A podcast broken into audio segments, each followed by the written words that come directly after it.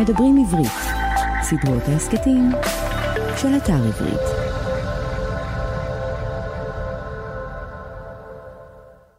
שלום לכולכם, שלום לכולכן. אנחנו הכיפות והשועל, מדף של ספרים ורעיונות לסקרנים ולסקרניות. שמי שמואל רוזנר, תודה שהצטרפתם אלינו. כמה ספרים כתב הרב דוקטור מיכאל אברהם? לא שאלתי, אבל לפי החשבון שלי מדובר ב-32 ספרים. אולי אני טועה קצת, אולי באחד או שניים. זו ספירה שלי מהוויקיפדיה, חזרתי עליה כמה פעמים כדי לוודא שאינני טועה, אבל אני עצמי קראתי רק חמישה מספריו. רק חמישה. לא מעט, אבל גם לא כל כך הרבה כשמדובר ב-32. קראתי את אלוהים משחק בקוביות, מה באמת אומרת לנו האבולוציה. קראתי את מדעי החופש, האם יש לנו בחירה חופשית, פיזיקה, פילוסופיה ומדעי המוח, וקראתי את טרילוגיית הגות. אלה שלושה ספרים, הראשון הוא המצוי הראשון, אמונה, מחויבות דתית וחשיבה רציונלית. השני הוא אין אדם שליט ברוח, לקראת מסגרת רזה ועדכנית למחשבה יהודית. והשלישי הוא מהלכים בין העומדים, על הצורך ועל האפשרות לרענן את ההלכה. הרב דוקטור מיכאל אברהם יהיה האורח שלנו היום, והוא כאמור רב, הוא דוקטור לפיזיקה עיונית, הוא מלמד במכון הגבוה לתורה של אוניברסיטת בר אילן. הוא עוסק במדע, הוא עוסק בפילוסופיה, הוא עוסק בהגות, גם בהגות יהודית, בהנחה שיש דבר כזה. יש אתר אינטרנט שהוא מפרסם בו את מאמריו באופן קבוע, mikyab.net, m-i-k-y-a-b.net, ובאתר הזה כתוב כך, הרב מיכאל אברהם מהווה דמות רבנית ייחודית בימינו, אשר שומרת על גישה רציונלית מחד, ולא נתייאשה מהאמת מאידך. מתוך שכך, רבים פונים אליו עם קשיים ולבטים בנושא אמונה, משמעות, ערכים, מוסר ועוד. אנחנו פנינו אליו לא בשאלות של מוסר ולא בלבטים של אמונה, פנינו בבקשה שידבר איתנו על שלושה ספרים לבחירתו. והוא בחר את שלושת אלה: ביטול האדם או הרהורים על חינוך בדגש על הוראת ספרות בכיתות י"א וי"ב, את גדל אשר באך של דגלס הופשטטר, וגם את שערי ישר של שמעון שקופ. תכף נדבר על אלה, ונדבר גם על מציאות האל, על לולאות מוזרות, על פרדוקסים, על השאלה האם מעמד הר סיני היה או לא היה, על גוף ונפש, על משפטי גדל, על אמת ושקר ועוד ועוד. לפני כן, תזכורת מתחייבת. הכיפות והשועל הוא מיזם של רעיונות וגם של ספרים, והחודש אנחנו מוציאים שני ספרים חדשים.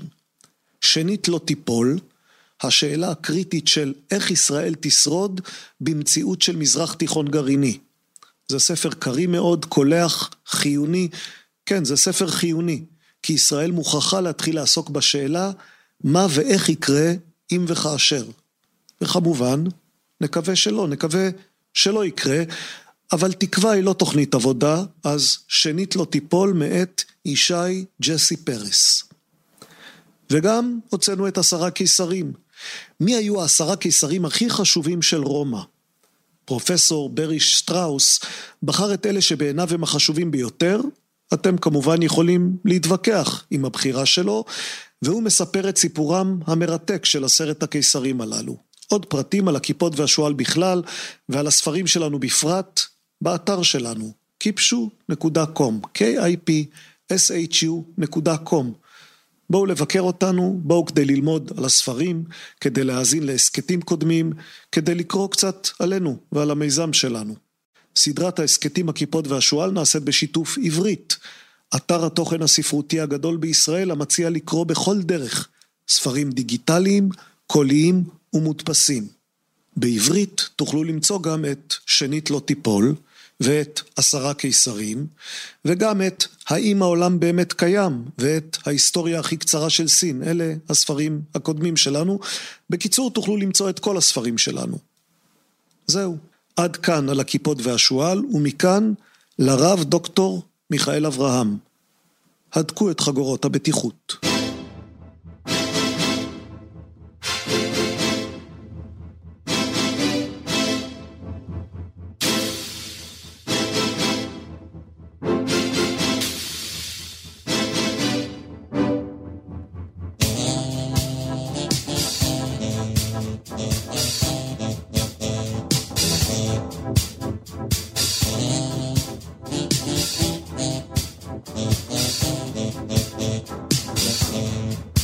הרב דוקטור מיכאל אברהם, שלום.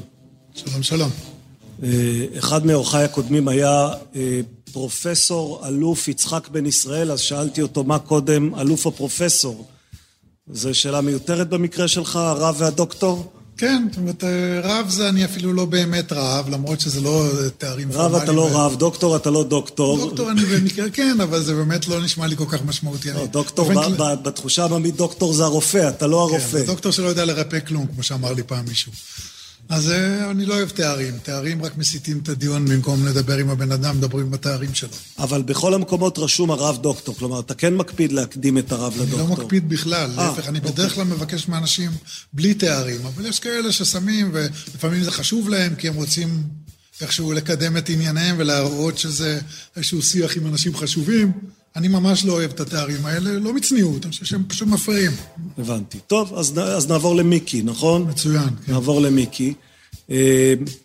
ובוא נתחיל בנרניה. כלומר, המשימה שלך הייתה לבחור שלושה ספרים, אתה לא בחרת בנרניה, אני מיד אזהיר את מאזיננו שהם כבר נרגשים שלא בחרת בנרניה, אבל אתה יודע למה אני פונה לנרניה. כן, אז בוא, ספר ראשון, מה, מה רצית? המחבר של נרניה, לואיס, סי.אס לואיס, הוא, מה שפחות ידוע לגביו, שהוא היה פילוסוף הוגה דעות, בעיניי אחד הבהירים, החדים והמבריקים שאני מכיר. בעברית אנחנו כותבים את שמו קס לואיס, אבל הוא בעצם סי.אס לואיס. כן. ויש לו כמה חיבורים, חלקם יש לו תקופות הרי דתיות, תקופות לא דתיות. יש לו כמה חיבורים פילוסופיים, שלפחות שניים מהם נגיד קראתי, לא קראתי את כולם, ומאוד מאוד התרשמתי ממנו. הוא הוגה נוצרי במידה רבה. נכון. חלק גדול מההגות שלו היא הגות נוצרית נכון. עמוקה. למרות שחלק מהדברים הם בתוך framework נוצרי, אבל בעצם הוא מדבר על דתיות בכלל. כן. עולם המושגים והטיעונים, וכן, השפה, הטרמינולוגיה, היא נוצרית, כי זה העולם שלו. אגב, במובן הזה, גם אני מרגיש אצלי קצת ככה. אז, אז זאת הייתה השאלה הבאה שלי, כי אתה אמרת שאתה רוצה את הספר הזה, אז הלכתי לקרוא בספר הזה, הספר הוא ביטול האדם, זה הספר שאנחנו מדברים עליו. הלכתי לקרוא וקראתי ואמרתי, אה, אני מבין את העיקרון, זה הוגן נוצרי שמדבר על עניינים אנושיים כלליים, והנצרות היא מבחינתו רק המסגרת, ואתה גם באיזשהו אופן פועל באותה צורה בעולם. נכון. אני חושב ש... סתם, עכשיו שאתה מדבר, אני, פתאום עכשיו קפץ לי העניין הזה, לא חשבתי על זה, שגם אני חושב לפחות שרוב הדברים שאני אומר הם דברים אוניברסליים. הרבה פעמים אני משתמש, ב, לפעמים גם זה לא, אבל הרבה פעמים אני משתמש בשפה יהודית, כי זה העולם שממנו אני בא. אבל זה רק שפה. זאת אומרת, בסופו של דבר אני מדבר על דברים אוניברסליים, במיוחד שהקדשתי ספר שלם לטענה שאין דבר כזה מחשבת ישראל. כן. יש מחשבה נכונה ומחשבה לא נכונה, מה אכפת לי מישראל או מישמעאל? זה, זה ממש לא רלוונטי. אז לאור זאת זה ודאי...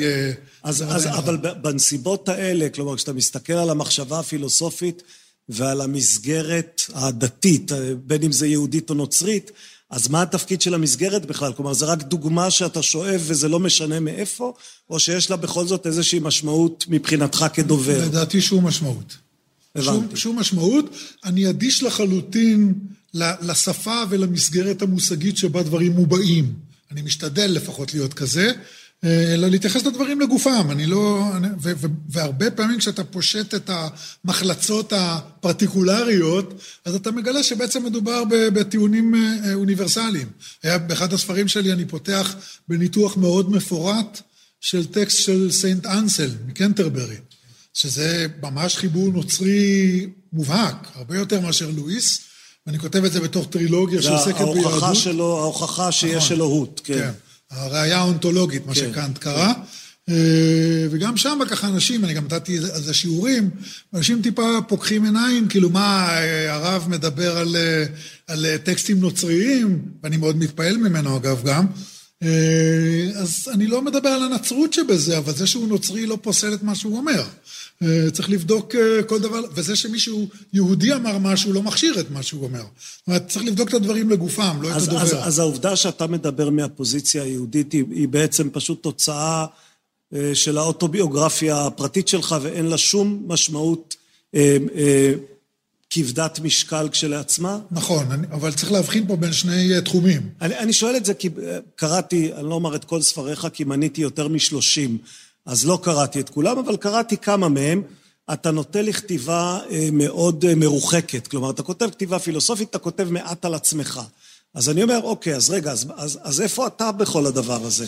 אז פה אני באמת אגיד, צריך להבחין בין שני, בין שני תחומים. בעיניי יהדות זאת הלכה. זאת זהות. זאת אומרת, חוץ מההלכה אין כלום ביהדות. זאת אומרת, חוץ, כל מה שיש ב-so called יהדות מעבר להלכה זה עניינים אוניברסליים, הנכונים שבהם. ומה שלא נכון, אז מה אכפת לי שהוא אבל, נמצא אבל ביהדות? אבל אז מיד ישאלו, אז, אז, למה, אז למה לקיים את הדבר הזה? או, אז אני אומר, יש, יש את התשתית המטה-הלכתית, נגיד, שיש אלוקים, שהוא ציווה עלינו מצוות, ודאי שאת הדבר, השלבים האלה אני צריך לצלוח בדרך למחויבות דתית. אבל העובדה שיש אלוקים, ואפילו העובדה שהוא התגלה בהר סיני, היא או עובדה נכונה או לא נכונה. אין שום קשר ליהדות בעניין הזה, למעט זה שאת הגויים זה לא מחייב הרבה. בסדר, אבל, אבל אם אני צודק היסטורית שהיה מעמד כזה, אז גם הגוי באופן עקרוני אמור לקבל את זה. אין, אין פה שום דבר יהודי. ההלכה במהותה לא אומרת דברים שהם נכונים. ולכן במובן הזה היא, היא פונה ליהודים, היא מחייבת את היהודים, לפחות את אלה שמכירים בה, והיא לא, אין לה שום עניין בגויים, במי שלא יהודי. אבל זה רק ההלכה. זאת אומרת, כל העולם המחשבתי, הפילוסופי, כל הקשר אחר שלי הוא אוניברסלי לחלוטין. זאת אומרת, השפה יכולה להיות יהודית, אבל, אבל, אבל התוכן הוא, הוא אוניברסלי לגמרי. ובשפה היהודית ו/או הנוצרית, עוד, עוד, לא, עוד לא הגענו לביטול האדם, תכף נגיע אליו, אבל בשפה היהודית או הנוצרית, כשאתה קורא את ההוכחות האלה לקיום האל, אז מבחינתך זו מסקנה מוכחת? תראה, אחד, אחד הדברים שאני מרבה לעסוק בהם זה השאלה מה זה נקרא, מה, מה, מה, זאת הוכחה. מה זה מוכחת, כן. בדיוק. כי תמיד, הרי ההוכחה היא תמיד, אפילו הוכחה במובן הרגורוזי, כן, החמור, זה, זה מסקנה שנובעת מהנחות, באמצעות כלי היסק לוגיים. אבל תמיד ברקע יש את ההנחות. אז גם אם אני אגיד לך שדבר מסוים הוא מוכח, זה עוד לא אומר שאתה חייב לקבל את המסקנה, לא, כי השאלה היא מה יחסך להנחות. נכון, אבל כתבת, נניח, כתבת ספר שעוסק באבולוציה.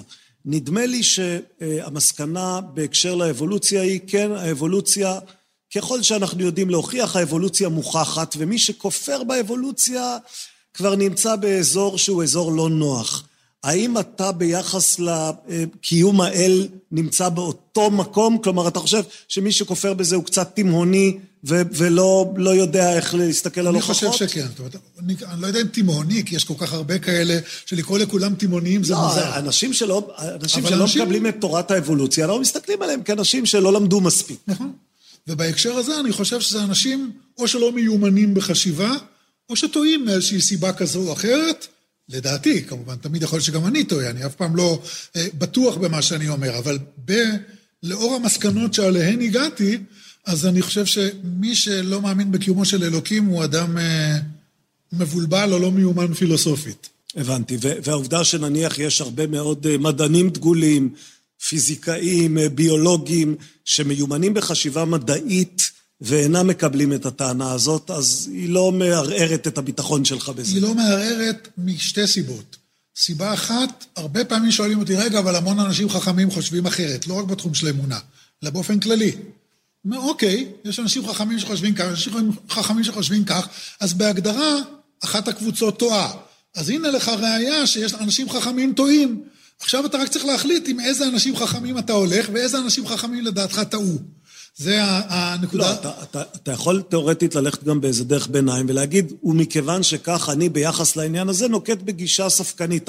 נניח הפריור שלי, על, בכמה אחוז, כמה אחוזי ביטחון, איזה רמת ביטחון יש לי ביחס לזה, היא תהיה לא 100 אחוז אלא 60 אחוז. אני, אני בדרך כלל לא דן בשאלות לאור אנש, מה אנשים אומרים עליהם. חכמים ככל שיהיו, ואני יכול מאוד להעריך אותם. אני דן בשאלות לפי מה, ש, מה שנראה לי. ורמת הביטחון שלי בתשובה, שהיא אף פעם לא מאה אחוז, בשום נושא, אולי חוץ מהנושא הזה ששום דבר הוא לא מאה אחוז, אה, הרמת הביטחון שלי נגזרת מאיכות הטיעונים שיש לי לטובת העניין, ולא מעניין אותי בכלל מי אומר כך ומי אומר אחרת, אלא אם כן מדובר בתחום מומחיות שאני לא מומחה בו. ואז כמובן אני צריך לשמוע מה אומרים מומחים, ולנסות אה, לגבש עמדה בלי להבין בתחום. שם יש משמעות כמובן לשאלה מי אומר מה וכמה אנשים אומרים. זה נקודה אחת. הנקודה השנייה, שפגשתי כבר כל כך הרבה אנשי מדע שמדברים שטויות בתחומים שנקרא לזה סוטים אפילו מעט מתחום המומחיות שלהם, אפילו תחומים שמשיקים לתחום המומחיות שלהם, לפעמים ממש בתוך תחום המומחיות שלהם, ואני מדבר על אנשים חכמים ואנשים, אנשי מדע משובחים, שאני לא בליגה שלהם. ועדיין בהקשרים הפילוסופיים, המטה-מדעיים, אתה יכול לראות אנשים חכמים שמדברים כאלה שטויות, שאני מאוד לא מתרשם מה, מהטייטלים המדעיים או האקדמיים של הבן אדם, אלא צריך לבדוק מה, מה הוא אומר. אם הטיעונים שלו טובים, בסדר גמור, גם אם הוא סנדלר בשוק. ואם הטיעונים שלו גרועים, אז גם אם הוא גדול הפילוסופים או הפיזיקאים, בסדר, אז מדבר שטויות בהקשר הזה. כקורא גם של הספרים שלך וגם של הבלוג שאתה מפרסם, שמי שרוצה אותו, נגיד למאזיננו, יכול למצוא אותו בקלות אם הוא יקליד את שמך ברשת. איך אתה קורא לו? שוט? שוט ומאמרים. שוט ומאמרים, כן. שוט ומאמרים של מיכאל אברהם. אה, אתה אומר שאתה אה, ספקן ביחס לוודאות של כל דבר, אבל הכתיבה שלך היא לא כתיבה ספקנית, היא כתיבה נחרצת. זה הערה יפה. אה, האמת שחשבתי על זה קצת בעבר, אבל אתה מחדד לי את זה, אה, כי יש לי, אני חושב, אני לא יודע אם לקרוא לזה יצר או, או מגמה, אני לא יודע אם זה יצר, בעיניי זאת מגמה לא פסולה, להבהיר לאנשים, כי זאת כמעט אחת התזות המרכזיות שלי, להבהיר לאנשים שהעובדה שאני לא מחזיק בוודאות בשום דבר, לא אומרת שאין לי עמדות ואפילו עמדות נחרצות. זאת אומרת, אחת השגיאות בעיניי של העולם הפוסט-מודרני, אה, זה הזיהוי המוטעה הזה בין חוסר ודאות לבין ספק. הנה, אתה מעביר אותנו לביטול האדם, לספר שבחרת לדבר עליו, זה, זה בדיוק זה, נכון? כן, אז בוא, בוא, בוא נספר עליו קצת ותסביר למה הוא חשוב בעיניך. אה, האמת שהוא הוא, הוא נכתב באמצע מלחמת העולם השנייה, כך שזה כבר ספר די אה, ותיק, והתמות האלה של הפוסט-מודרניות והביקורת החדשה, או כל השמות מהסוג הזה, הן תמות שבסך הכל היו די טריות באותו זמן, התחילו לבצבץ אה, בעוצמה יותר חזקה כבר אחר כך, ואני חושב שהוא זיהה אה, בצורה מבריקה אה, לאן העסק הזה הולך. הוא, הוא בכלל כותב, כלומר, זה, הוא, הוא קורא לזה הרהורים על חינוך בדגש על הוראת ספרות בכיתות י"א-י"ב. כלומר, הוא מצא איזה ספר להוראת ספרות של מערכת החינוך ואומר, אני רואה מה מלמדים את הנוער, זה לא טוב. בדיוק. דיברנו קודם על השפה והתוכן. כן. הוא לא עוסק בחינוך של כיתה י"א-י"ב בשום מקום בספר הזה. אבל הוא משתמש בספר שמלמד ספרות בכיתות י"א-י"ב כדי אה, אה, אה, אה, לבטא רעיונות שהם הרבה הרבה יותר רחבים ויסודיים, לא קשורים להוראת ספרות ולא לכיתות י"א-י"ב. אז הנה דוגמה יפה לשימוש בשפה מול התוכן שמועבר דרך השפה. והטענה שלו, הוא מתחיל את הספר באיזשהו ויכוח שמתנהל, כן, באיזה אה, אה, פואמה של קולרידג', המשורר אה, הבריטי, והוא אומר ש... שאחד מתפעל מאיזשהו מפל והשני נותר אדיש ביחס אליו, איזשהו מראה נוף כלשהו, והמחברים של הספר הזה, שהוא נותן לו קוד הספר הירוק, הוא לא רוצה כנראה לפגוע בהם, הם מלמדים את הילדים בבית הספר שבעצם אין שם ויכוח אמיתי בין שני האנשים האלה. כי אחד מתאר את הלכי רוחו כשהוא עומד מול המפל, והוא, אצלו מתעוררת תחושת שגב, אה, התפעלות אה, וכדומה. והשני נשאר אדיש. זה בסך הכל הבדלי אישיות, אבל הבדלי אישיות הם לא ויכוח. נגיד, אם אני אוהב את פלוני או את פלונית, ואתה לא אוהב אותה, אין לנו ויכוח. על טעם וריח אין להתווכח, נכון, זה אני, בדיוק הדבר הזה, כן, נכון? כן, אני בנוי ככה, אז אני אוהב אותה, ואתה בנוי אחרת, אז אתה לא אוהב אותה. אין שום בעיה, אין לנו שום ויכוח. והטענה שלהם זה ששיפוט של אומנות, או שיפוט אסתטי, וכמובן גם שיפוט אתי במשתמע, אה, הוא אותו דבר. זאת אומרת, גם שם זה בסך הכל עניין של טעם וריח, ככה אנחנו בנויים. אה, אתה יודע, פעם קראתי, היה לי איזה, איזה פאנל... אה, עימות מול דוד אנוך, הפילוסוף מהאוניברסיטה העברית, אה, בתל אביב, סביב השאלה האם בהיעדר אלוהים הכל מותר. אני טענתי שבשביל שיהיה מוסר יהיה תקף צריך אמונה באלוהים, והוא טען שלא. אז אחד הדברים שהבאתי ממנו, ממאמר שלו, הוא הציע את מה שהוא קורא מבחן התרד. מה זה מבחן התרד? תחשוב על ילד שאתה, אה, שאומר לך ככה, תראה, אני כל כך שמח שאני לא אוהב תרד, כי אם הייתי אוהב תרד, הייתי אוכל אותו, אבל תרד זה איכס. עכשיו, למה זה מצחיק? כי ברור שאם היית אוהב תרד, לא הייתה שום בעיה בזה שהיית אוכל את התרד. זאת אומרת, אתה מסתכל על זה במבט שלך היום. עוד, עוד מעט כשנגיע לספרים הבאים שבחרת, זה בעצם מתחבר לנושא של לולאות, שאנחנו נצטרך לדבר עליו. אולי, כן, למרות שפה זאת לא כן. לא באמת לולאה. כן. אה, ולעומת זאת, נגיד, תסתכל על אה, מישהו שמדבר על, אה, על עובדה מדעית. מישהו שאומר, כמה טוב שאני חי היום ולא לפני אלף שנה, לא הייתי יודע שהארץ היא כדור. הייתי חושב שהיא פלטה שטוחה. זה לא מצחיק. למה זה לא מצחיק? כי הקביעה שהארץ היא כדור ולא פלטה שטוחה היא קביעה אובייקטיבית. היא לא השתנתה בין המאה העשירית לימינו, הידע שלנו לגביה השתנה. אז, אז יש לו עכשיו מבחן. כשאתה רוצה לבדוק האם תזה מסוימת היא תזה סובייקטיבית או אובייקטיבית, בוא נעביר אותה את מבחן הטרד. עכשיו, כשאתה תשאל את המחברים של הספר הירוק, כן, של אה, כן, לואיס, כן. אה, או אנשים שהם רלטיביסטים אה, אתיים, כן, ביחס למוסר, תשאל אותם, מה דעתכם על הטענה הילדותית, או כן הבאה? כמה טוב שאני חי היום, ולא לפני 200 שנה? כי לפני 200 שנה יכול להיות שהייתי משעבד עבדים שחורים בדרום ארצות הברית, או בכלל בארצות הברית, אוקיי? עכשיו, האנשים שרואים בזה אמירה סובייקטיבית, בעקרונות המוסר, מבחינתם זה כמו עטרת. אתם אמורים לצחוק בשלב הזה. וברור לכולנו שמעט מאוד אנשים יצחקו כשישמעו דבר כזה. בסך הכל זאת אמירה שאני חושב שרובנו נזדהה איתה. וזה מבחן יפה, כי הוא מחדד את העובדה שעם כל הדיבורים על זה שהמוסר הוא יחסי, והאסתטיקה היא יחסית, והטעם הוא יחסי, אנחנו לא באמת מאמינים בזה. זאת אומרת, אנחנו כן חושבים שמוסר זה עקרונות אובייקטיביים מחייבים, נכון שדברים משתנים עם הזמן, נכון שיש ויכוחים בין אנשים, אבל אנחנו לא מדברים פה על דברים שהם סתם טעם וריח. ובמובן הזה, זה בעצם התזה של, של לואיס. כן, ולואיס בעצם, הוא, הוא הולך איזה חצי צעד מעבר לזה, כשהוא אומר, אם אין דברים אובייקטיביים, אז אין גם סיבה אובייקטיבית לחיות, או אין סיבה אובייקטיבית להילחם למען משהו, או אין סיבה אובייקטיבית בעצם לשום דבר. אין שום דבר, דבר למות למענו. אין שום דבר השיר. למות למענו, נכון, אין? בדיוק. אבל, אבל באמת, אה, מה שיפה, וזה ממש פוסט שכתבתי עכשיו באתר, אה, מה שיפה בספר שלו, בגלל שהוא כל כך חד ובהיר, הוא לא מפספס, זאת אומרת, אין לו טעויות. ומאוד מרשים בעיניי כשקוראים את זה בשימת לב. ואחרי שהוא גומר את הפרק הראשון, הפרק הראשון הוא למעשה אה, הטלת בוץ. ב- ב- כן, ב- בספרותניים האלה היחסיים. בדיוק. אבל הרבה מבקרים מסתפקים רק בזה. אומרים, תראה, אם אתה מחזיק בעמדה כזאת, איזה עולם יהיה לנו? לא יהיה מוסר, לא יהיה בשביל מה לחיות, אה, אנשים, אה, לא תהיה לך אפשרות לטעון טענות נגד רשעים, וכל הטענות הרגילות שאנחנו מכירים. אבל כמו שהוא אומר בצדק בתחילת החלק השני של הספר, הטענות האלה הן לא ביקורת. כי יכול להיות באמת שהאמת העגומה היא שאין לנו שאין אפשרות. שאין סיבה לחיות. נכון, שאין סיבה לחיות, או שאין מוסר תקף.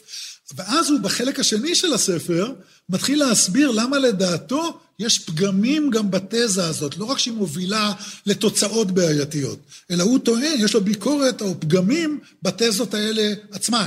וזה עוד אינדיקציה לזהירות ולדיוק הפילוסופי שלו, שבעיניי מאוד מרשים. אני מודה שאני, כשאני, כשאני קורא סוג כזה של טענות שמתחילות ב"תראו, אם נעשה כך וכך התוצאות מאוד בעייתיות", כל מה שבא אחרי זה תמיד נראה לי סוג של תאודיציה. כלומר, אז עכשיו אנחנו נמצא דרך להוכיח שכנראה שזאת לא השיטה הנכונה, כי, כדי לא להגיע למסקנות העגומות. נכון, אז האמת שאחת הנקודות המרכזיות בפוסט הזה שהזכרתי קודם, זה בדיוק הנקודה הזאת. כי יש הבדל מאוד דק בין תאודיציה, בין שני סוגי תאודיציה. אני קורא לזה בעצם פרגמטיזם, שזה כמעט אותו דבר. אתה בעצם מחפש טיעונים כדי להגיע למסקנה שאתה חפץ בעיקרה. אתה, אתה, בעצם... אתה יודע מה המסקנה לפני בדיוק. שהתחלת לטעון את טיעוניך. אתה בונה את הטיעון ש... שיוביל אליה. אגב, זאת ביקורת נפוצה על אנסלם גם. שהוא פותח בתפילה לקדוש ברוך הוא, לאלוהים, ואז מחפש טיעון שיוכיח את קיומו. כן, כן, בעצם התפילה מוכיחה שברור שהוא מלכתחילה התכוון למצוא את קיומו. בדיוק. עכשיו, אני טוען שהביקורת הזאת היא לא נכונה. כי זה תלוי בשאלה, וזה הבדל מאוד עדין, וזה תיארתי, ב, ב, ב, ב, זה בעצם סדרת פוסטים, הבדל בין הלל צייטלין לבין טיעון, טיעונים שאני נותן, שנראים מאוד דומים, אבל כשמסתכלים עליהם הם בעצם הפוכים. אוקיי, בוא, יש... בוא ת, תנסה להדגים לנו את זה בשפה שאפשר להבין ב, אוקיי, בשמיעה. אני, למשל, אני אתן לך דוגמה, הטיעון לקיומו של אלוקים מכוח המוסר, הזכרתי קודם את הטענה שלי נגד uh, דוד אנוך. אז אני טוען שאין מוסר תקף בלי אלוהים, ולכן יש אלוהים. במבט ראשון זו תאודיציה, תאודיציה למוסר, לא לאלוהים, כן, כן אבל זה, כן. זה איזושהי, אתה רוצה שיהיה מוסר תקף, אז אתה בונה לך אופיום להמונים, כן, אתה ממציא את אלוהים כדי שיאפשר לך לדבר על מוסר, מוסר לקיים תקף. לקיים עולם מוסרי. ו- וזה באמת פגום מבחינתי פילוסופית, זה פרגמטיזם, פרגמטיזם זה מילה גסה מבחינתי, פרגמטיזם כגישה פילוסופית, לא פרגמטיזם בחיים. אה, אבל, אבל אני לא מתכוון לטיעון הזה. אני מתכוון לטיעון שהוא מאוד דומה, אבל הוא שונה לחלוטין כשמסתכלים עליו. אני טוען שאינטואיטיבית ברור לי שיש מוסר תקף. זאת הנחה. עכשיו, אני יודע שבלי שיש אלוקים ברקע, אין, לא יכול להיות מוסר תקף. זו, זו הנחה על סמך מה? זו הנחה תצפיתית? לא, כלומר, מה... לא, אינטואיטיבית. אתה יכול לקרוא לזה תצפית בעיני המצפון. זה לא עיניים, אה, כן, העיניים האופטיות שלנו. אבל זה... האינטואיציה שלי... אני יודע כי אני יודע? כן, מאיפה אתה יודע את האקסיומות של הגיאומטריה? הבנתי, אוקיי. שני קווים מקבילים לא נפגשים, אתה אינטואיטיבית, זה ברור לך שזה ככה.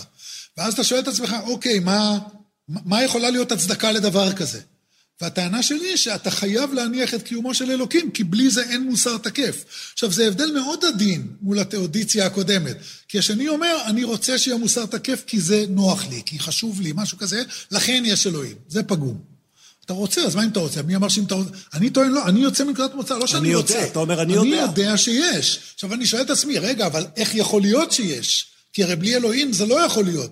לכן יש אלוהים. ואם האקסיומה, אם ההרגשה שלי היא שאין מוסר תקף, אז... אז לא. בטלה ההוכחה. נכון, נכון. ההוכחה, כמו כל הוכחה, ההוכחה פונה לאלה שמקבלים את ההנחות. אז אולי כל ההבדל בין אנשים כמותך לאנשים כמו, אני לא יודע, ריצ'רד דוקינס, שכופר בקיומו של האל, זה שהתחושה האינטואיטיבית שלך היא שיש מוסר תקף, והתחושה האינטואיטיבית שלו היא שאין מוסר תקף, ולכן אתם מגיעים למסקנות אחרות. ברור, אבל, אבל מעבר ל, ל, לניתוח של, ה, של המחלוקת, שזה עמדה של חוקר, אתה מסתכל מה הוא חושב ומה הוא חושב, אני כמי שמעורב במחלוקת, כי אני הרי כתבתי ספר נגדו, כן.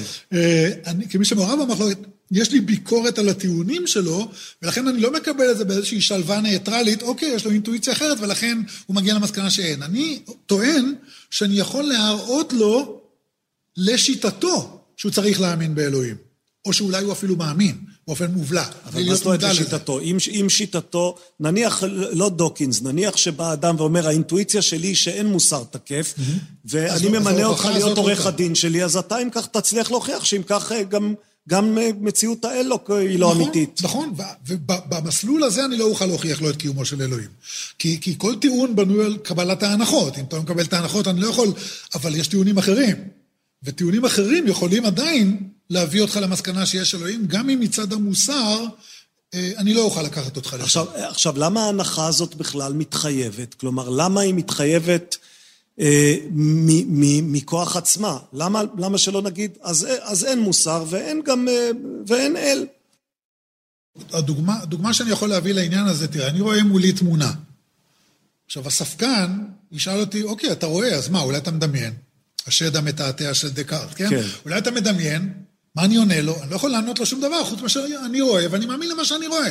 נכון? אין לי תשובה יותר טובה מזאת להגיד לו. למרות שאני די משוכנע שאני צודק, בלי שיש לי איזשהו טיעון מפורש ש, שיצדיק את זה. ברור לי, זו, הנחה פשוטה, זאת אינטואיציה ברורה. אולי אני טועה, שום דבר לא בטוח, אבל סביר להניח שאני לא טועה בהקשר הזה. אותו דבר אני עונה ביחס למוסר. כיוון שיש לי תחושה מאוד ברורה, מבחינתי זה כמו לראות, רק זה לא לראות בעיניים, אלא לראות עם, עם האינטואיציה המוסרית שלי, עם המצפון שלי, או מה שלא יהיה, שברור שעקרונות המוסר הם עקרונות מחייבים, אני תובע את זה מאחרים, ואני לא רואה את זה סתם כקפריזה שלי, או כמשהו שפשוט אני ככה אני בנוי. זה לא משהו שרירותי, אחרת אין הצדקה לתבוע את זה מאנשים אחרים. אם אני תובע את זה מאנשים אחרים ואני לא רואה את זה כקפריזה, זה אומר שאני רואה שיש פה באמת משהו מחייב. אז מבחינתי, אני לא צריך להצדיק לך למה אני חושב שזה נכון, כמו שאני לא אצדיק לך למה התמונה נמצאת כאן. אני פשוט רואה.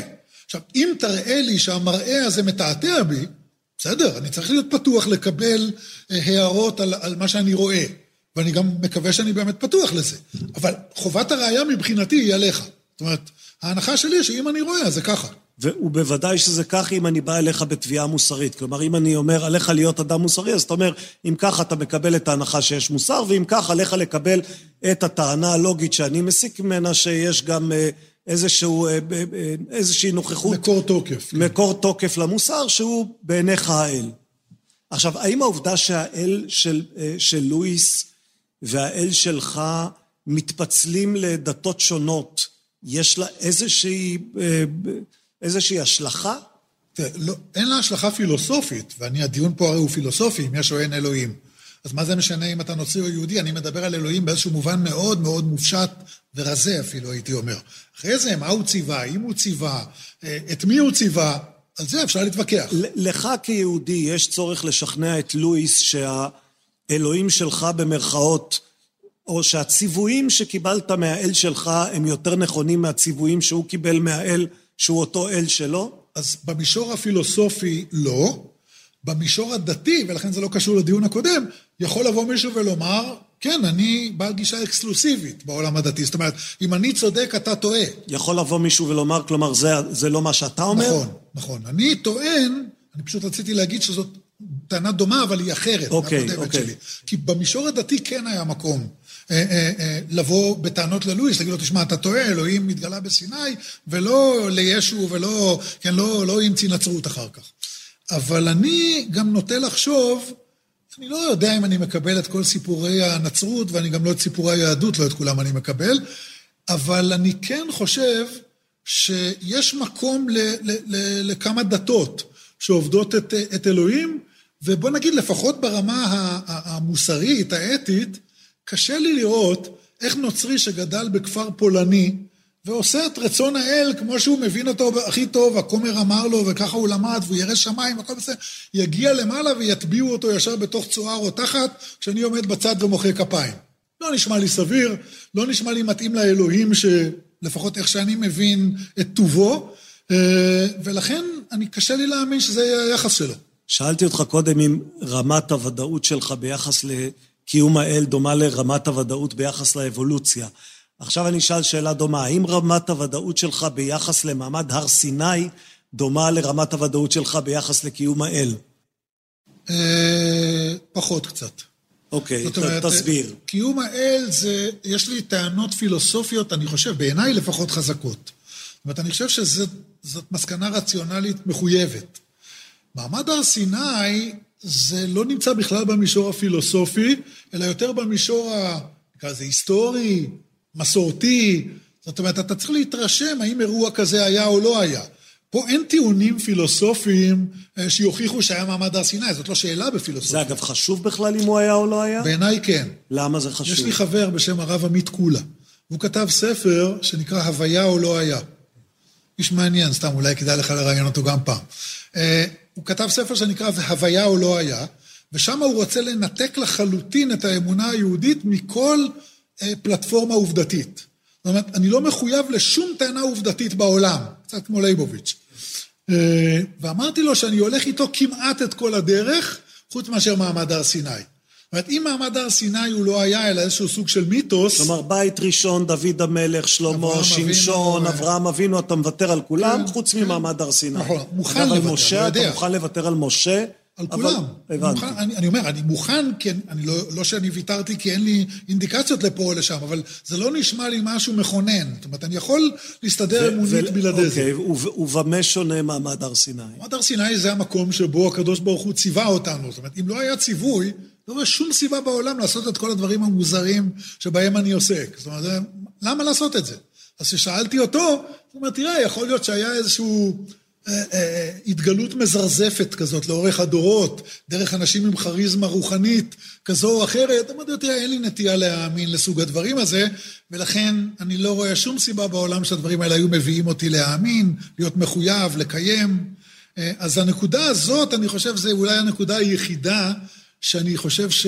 שהיא הכרחית ברמה העובדתית. אבל, אתה, אבל, אבל לקחת, לקחת על עצמך את כל הציוויים ואת כל הקיום הזה, למרות שאמרת לי לפני שלוש דקות שרמת הוודאות שלך ביחס למעמד הר סיני נמוכה יותר מרמת הוודאות שלך ביחס לקיום האל, אז לקחת על עצמך הרבה מאוד בשביל רמת ודאות שהיא יותר נמוכה.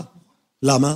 זה, זה פסקל, זה לז פסקל, ליתר ביטחון אני עושה את זה? על פסקל אה, כתבתי כבר שיש לו, מה שמפתיע אצל פסקל, מעבר לכל הבאגים בטיעון שלו, זה שהבאג הבסיסי בטיעון שלו, ולא ראיתי אגב שעומדים על זה, כתבתי את זה בספר ש, שנגד דוקינס, זה באג סטטיסטי. עכשיו, פסקל הוא אחד מאבות הסטטיסטיקה. יש לו טעות סטטיסטית בטיעון שלו, אז לכן אני ממש לא פסקליסט. המתמטיקה עוד לא הייתה מפותחת מספיק כן, בתקופה כן, ההיא. לא, שם זה פרשנות לסטטיסטיקה, אבל, אבל זה באמת, זו טעות בעיניי בסיסית. אה, אבל אני, לכן, אני לא פסקל בכלל. אני, אני מקיים את זה כי אני חושב שזה נכון, אבל חושב שזה, או חושב שזה מחייב, נכון, ראוי, איך שלא תקרא לזה, אבל חושב שזה נכון זה לא אומר ודאות, שום דבר אין לי ודאות. עכשיו, איזה רמת ודאות דרושה כדי שאני אתנהל על פיה? תשמע, אנשים מוסרים את נפשם פה בצבא, או על מהפכה קומוניסטית, או אני לא יודע מה, בכל מקום שלא יהיה, על כל מיני רעיונות שהם מאמינים בהם. כשתדחוק אותם לפינה ותשאל אותם, תגידו, אתם בטוחים שזה נכון, שזה יביא את הישועה? אנשים ישרים אמורים להגיד לא. אבל זה נראה לי. זאת אומרת, אני לא בטוח, אבל זה מה שנראה לי. אז אנחנו מקבלים החלטות בתנאי אי-ודאות, וגם בהקשר הזה אני מקבל החלטות בתנאי אי-ודאות. זה לא הימור. זה לא הימור לא, של... זה, זה, כן, זה כן גוזר עליך חיים שלמים של... תחת הגבלות מסוימות, אה, בתוך מסגרת מסוימת, זה לא דבר קל. רמת הוודאות שלי בנושא הזה מספיקה בשביל שאני אהיה מוכן בשבילה להתחייב במחויבויות האלה. אבל אין לי קריטריון חד איזה רמת ודאות צריך בשביל איזה עוצמת מחויבות. אגב, זה כן מקרין קצת על תפיסת העולם הדתית שלי, גם בפרקטיקה, לא רק באמירה כללית שזה לא ודאי אצלי, כי אני באמת, יש דברים מסוימים שיכול להיות שאני לא אהיה מוכן לעשות, אם המחיר שלהם הוא מאוד מאוד גבוה, כי אני לא בטוח שזה נכון. אפילו מחיר מוסרי.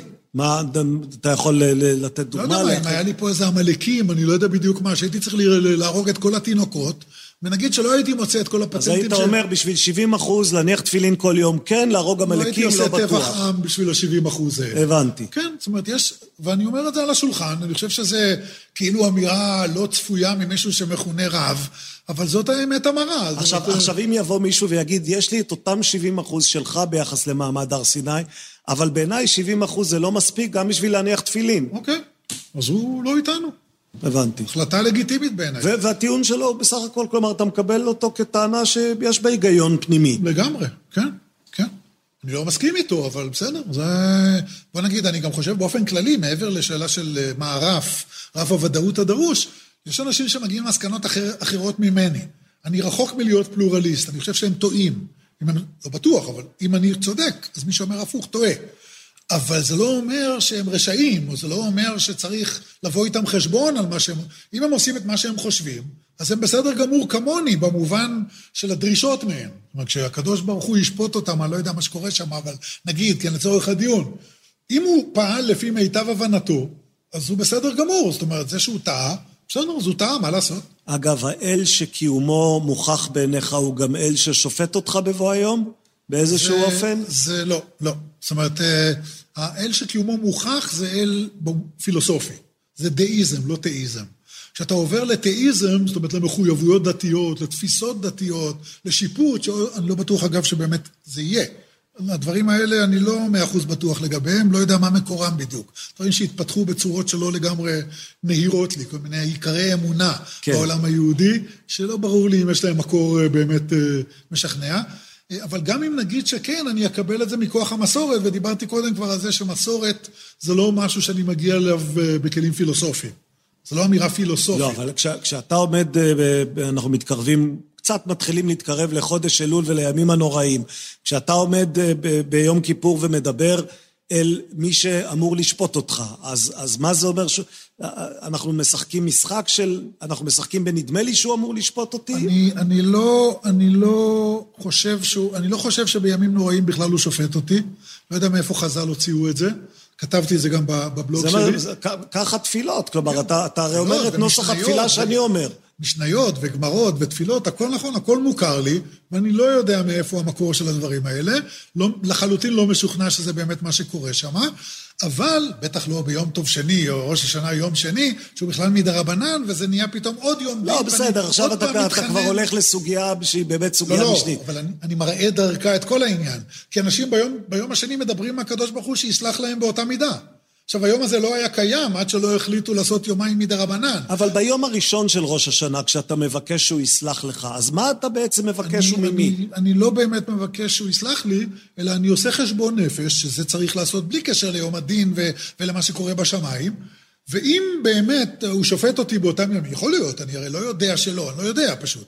אז אם הוא שופט אותי, אז אני מקווה שאני עושה את מה שצריך כדי לצאת, אה, לצאת טוב בעניין הזה. אבל אני לא מדבר איתו ב... בפריימוורק של איזשהו משפט שמתנהל עכשיו, סנגור מול קטגור. אלא זאת הזדמנות טובה לבדוק את עצמנו, לשפר את עצמנו, לראות איך אנחנו משתפרים הלאה, וזה נכון תמיד, בלי קשר לדברים אה, שמתרחשים אי שם ב, בימים האלה.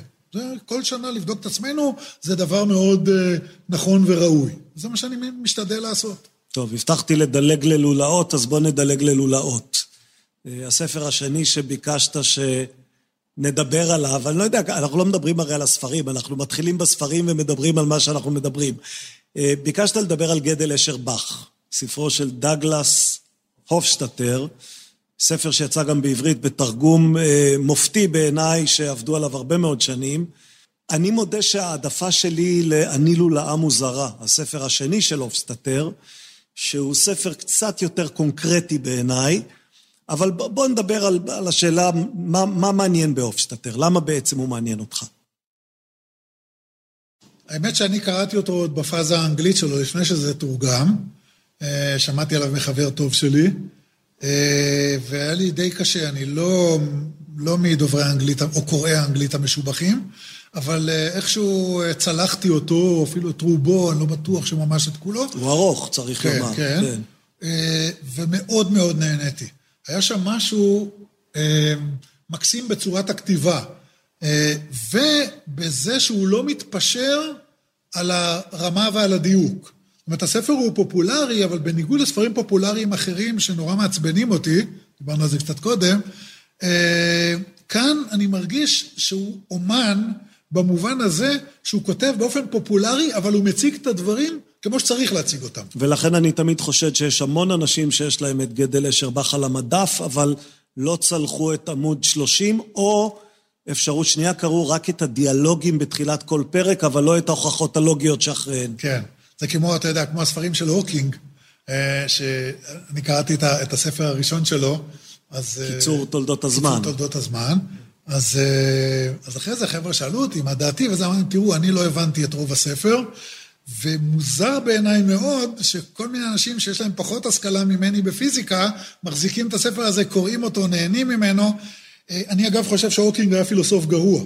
מהדברים שקראתי ממנו, חלש מאוד, המון פגמים פילוסופיים בטיעון, אני לא בתחום שלו, אז אני לא יודע לשפוט את הפיזיקה שלו. תראה, עיקר הישגיו היו בפיזיקה של חורים שחורים, כן, שזה לא תחום. מאוד ספציפי. כן, אבל זה לא התחום שלי, ולכן אני לא יודע לשפוט את העבודה המדעית שלו, והרבה ממנה מופיע בספר, ולכן זה באמת דברים שלא הבנתי. ואני לא כל כך מבין איך אנשים קוראים את זה ונהנים מזה וכולי. אז זו דוגמה מצוינת בדיוק לתופעה שדיברת עליה קודם. יש משהו, תראה, הוא איש מאוד מרשים. זאת אומרת, עם, האילוצים שהוא היה צריך להתמודד איתם וההישגים שלהם הוא הגיע בלי לשפוט את המדע שלו, שאני לא יודע לשפוט. אבל זה, זה בלתי יאומן, זה ראוי לכל הערכה. אני יכול להבין למה לאנשים יש הערכה לבן אדם, נותנים לו קרדיט ורוצים לקרוא את הספר, זה ברור לי לגמרי. למה הם נהנים ומה הם הבינו מהספר, זה כבר שאלה אחרת. וגם בהקשר הזה, אני חושב אותו דבר באמת, גם לגבי הופשטטר, אני חושב שרוב האנשים ייקחו נקודה מפה, נקודה משם, כי יש הרבה נקודות מפוזרות שם שאתה יכול להוציא כל מיני פנינים. אחת הטענות כלפי הספר הזה, ו- ואני לא בטוח שאני לא מסכים איתה, זה שבסוף לא ברור מה הוא בעצם רוצה. כלומר, מה... נתת לי קצת על המוזיקה של באך וקצת על הציורים של אשר, והסברת את, ה- את מה שמקשר ביניהם, כלומר החזרתיות והלולאתיות, וקישרת את זה לחוקים של, המ- של המתמטיקאי, של גדל. אבל מה, אז מה למדתי מזה?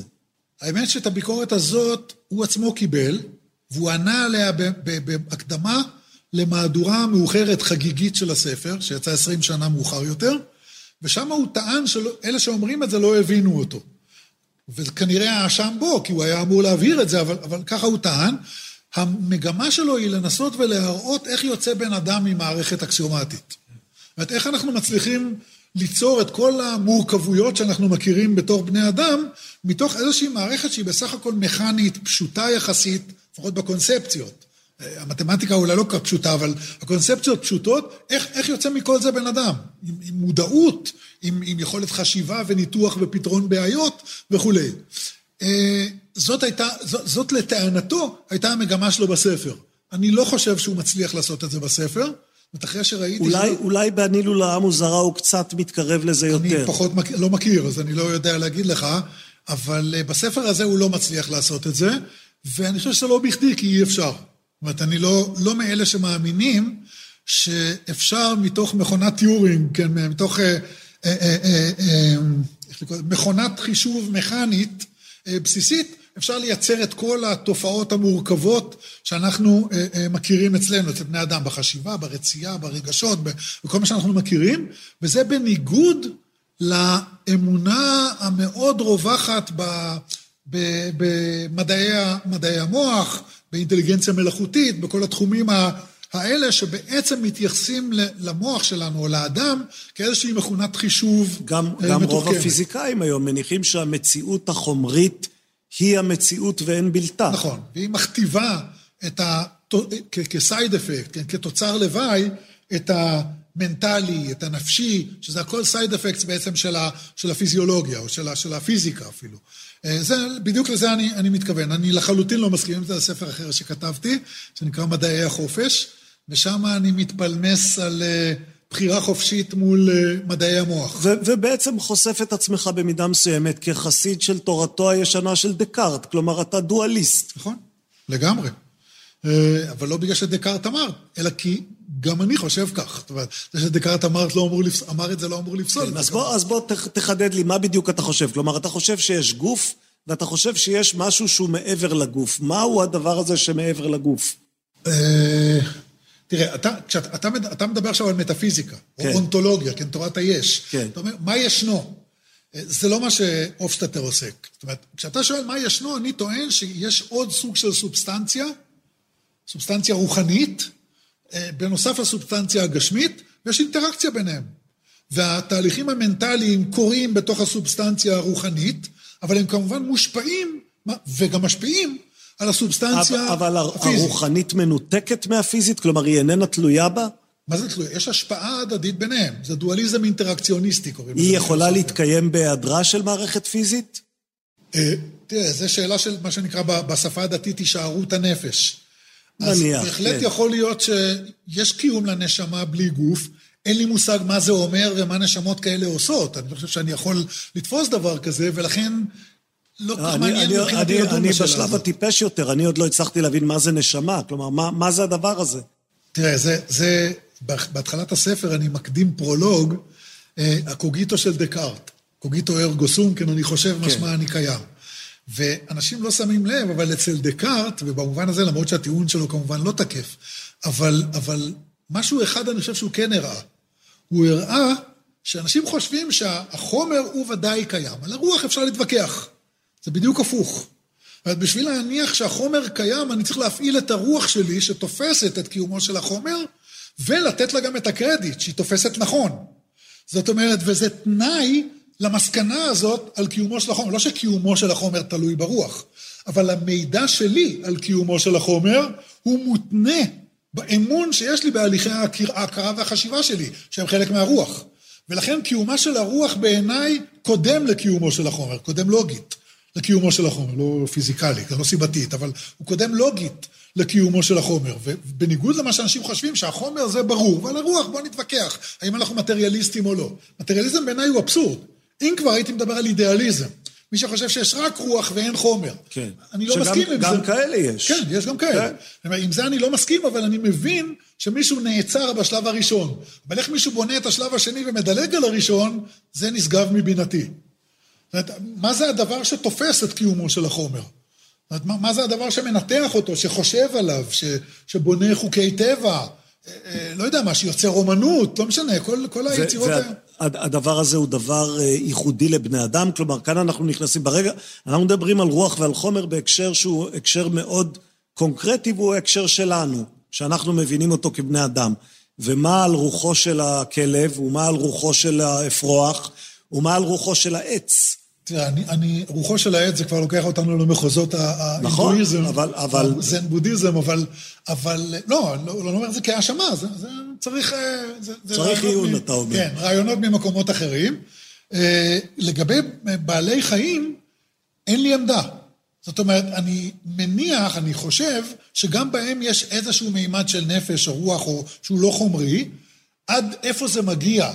הם ודאי עושים איזה שהם הליכי חשיבה מוחיים כמו שיש אצלנו.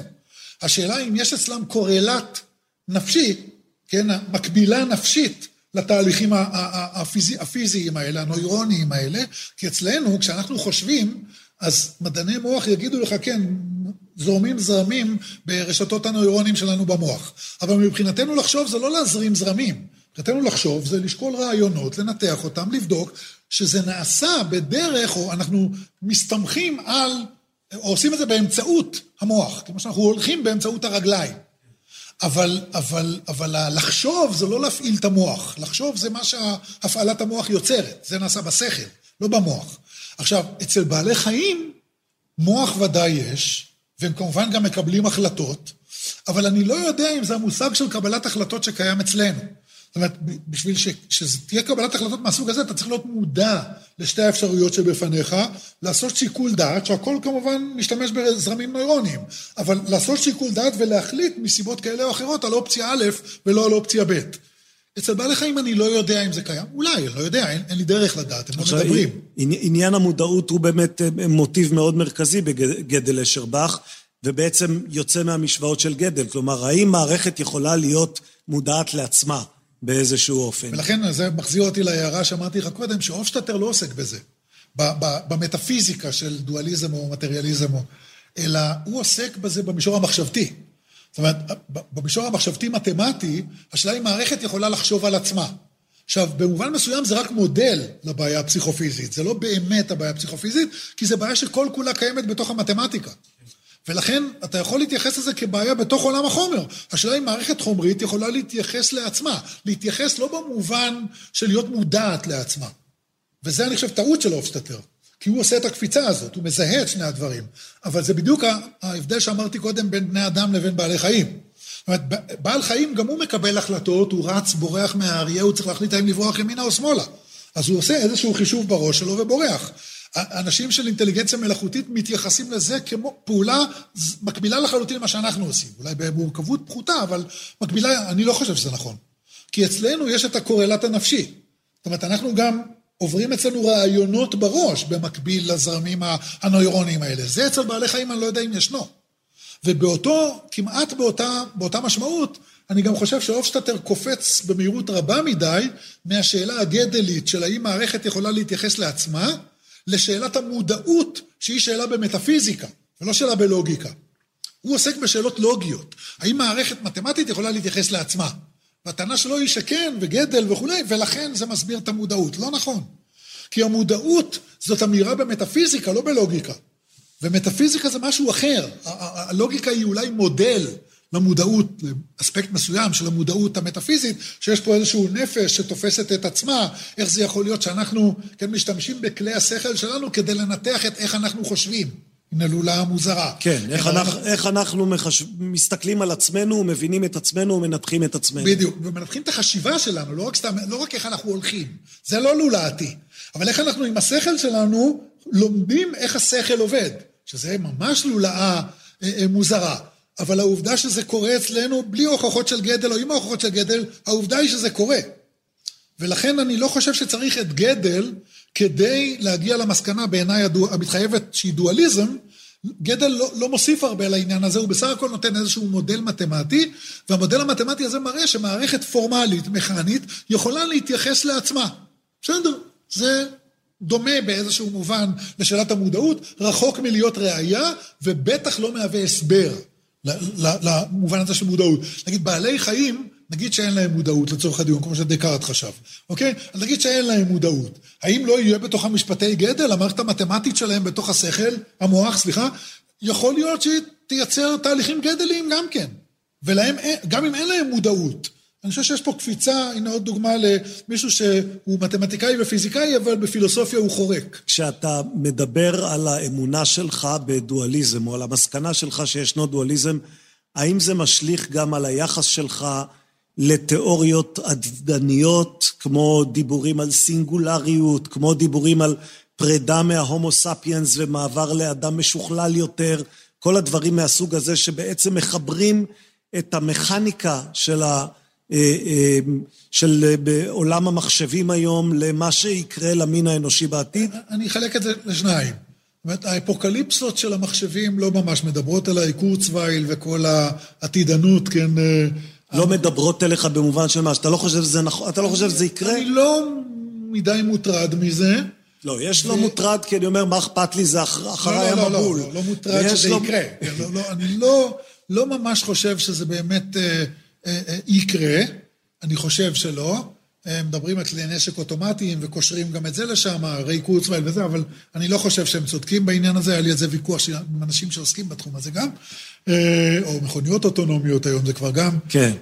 אבל... כלומר, אתה חושב שהחזון של מכוניות אוטונומיות הוא חזון לא ריאלי? לא, הוא ריאלי לגמרי, אני לא מפחד אוקיי. ממנו. אוקיי. אני לא חושב שהפחד הנורא שמוסרים החלטות, כמו שהיום בצה"ל, למשל, אסור להגיד מזל"טים. אתה יודע, כי מזל"ט זה מטוס ללא טייס, אנחנו לא מודים שהוא ללא טייס. כן. זה עם טייס קרקעי. הטייס על הקרקע, כן. בדיוק. אתה חייב, אסור היום להגיד דבר כזה. כי אנחנו, כי אנחנו לא רוצים להפ, להפקיר החלטות בדיוק, ב, החלטות בידי בינה מלאכותית. בדיוק. עכשיו, הבינה המלאכותית עושה את ההחלטות האלה בדרך כלל יותר טוב מאיתנו. כהנמן בספר האחרון שלו בעצם אומר, בואו נעביר את כל מערכת המשפט לבינה מלאכותית, יהיו תוצאות יותר טובות. המערכת A שלנו היא בעצם גם איזשהו סוג של בינה מלאכותית. כן. של כהנמן, בדיוק. אז אני אומר, כשאתה לוקח מכוניות, כמה בדיקות מעבירים את המכוניות האוטונומיות? כבר היום, מערכת, אה, מכונית אוטונומית, עד כמה שאני יודע, אני לא מומחה בזה, מגיעה להישגים הרבה יותר טובים מנהיגה אנושית. זאת אומרת, מספר הנפגעים יהיה נמוך הרבה יותר. ולא יאשרו את זה עד שלא יבדקו אבל עד זוב דם את העסק הזה. כי יש לנו איזשהו פחד מה, מהעתידנות הזאת, מהקבלת ההחלטות האוטומטית. אני יכול להבין את זה, אבל זה יותר שייך לעולם הפסיכולוגיה מאשר לעולם הלוגיקה. ובמובן המהותי יותר, האם אני... האם אני... האם המכונות יהיו כל כך משוכללות שהן ייתרו אותנו ו... בעצם פשוט יהיו יותר טובות בכל דבר מאיתנו, בנו. יכול להיות שהן יותר טובות ב, אולי בכל דבר או ברוב הדברים, אבל זה עוד לא אומר שתהיה להם נפש. עכשיו, אפשר להגיד, אוקיי, אז בלי הנפש הם יצטרכו. צריך את הנפש לאיזה צורך? מה זה צריך? היא ישנה. זאת אומרת, אני חושב שיש לזה ערך, יש לנו בחירה חופשית, יש לנו, אה, זאת אומרת, אבל זה כמובן תפיסה, אה, עניין של תפיסת עולם. עכשיו, זה לא אומר, יכול להיות שהם יוכלו לחסל אותנו בלי בחירות ובלי זה עוד יותר גרוע. אז זה לא שאני בגלל זה לא חושש. אבל אני לא חושב שהמכונות מתקדמות לכיוון של להיות בני אדם, בשום צורה שהיא. זאת אומרת, אה, בניגוד למה, לשיח המקובל בעולם של, אה, כן, של אינטליגנציה מלאכותית. אה, אני חושב שמכונות הולכות ונעשות מחשבים יותר מתוחכמים, הם יעשו משימות שלנו בצורה יותר ויותר טובה, כולל משימות שהיינו בטוחים שהן ייחודיות לבני אדם, כמו לשוחח, מבחן טיורינג וכולי. וזה עדיין, גם אם הוא יעבור את מבחן טיורינג, הוא לא בן אדם. וה... אין לו והעובד... זכויות מוסריות, ואין בעיה להרוג אותו, או ל... ל... כן, לפרק אותו, ו... ולכן יש פה איזשהו ערבוב אה, מאוד גדול בעיניי. ב... המכונית האוטונ... האוטונומית תעשה פחות תאונות כי היא תהיה יותר מהירה ויותר חכמה, אבל כשהיא תעשה תאונות, אולי לא יהיו לה ייסורי מצפון משום שאין לה נפש. זה מטריד אותך שלא יהיו לה איסורי מצפון? כי מבחינתי מה שמטריד זה התוצאה. התוצאה היא שיהיו פחות תאונות דרכים, אז טוב מאוד. איסורי המצפון משמשים אותנו, כי, כי אם יש לנו איסורי מצפון אנחנו יותר ניזהר, וממילא יהיו פחות תאונות. אבל אני לא רואה ערך גדול באיסורי מצפון, איסורי מצפון זה אמצעי. עכשיו, אם המכונית הזאת מגיעה להישגים יותר טובים מאיתנו בלי איסורי מצפון, על הכיפאק, אז למה לא להשתמש בה? זה כמו, למחשב אין איסורי מצפון על זה שהוא טועה במבחן במתמטיקה, בתרגיל במתמטיקה, והוא עושה את התרגילים במתמטיקה יותר טוב ממני. אז מה אכפת לי? אני משתמש בו. אני אעביר אותך לעוד, אה, לעוד סוג של לולאה. כל חלוץ שאם היא חלה היא לא חלה, אז היא לא חלה.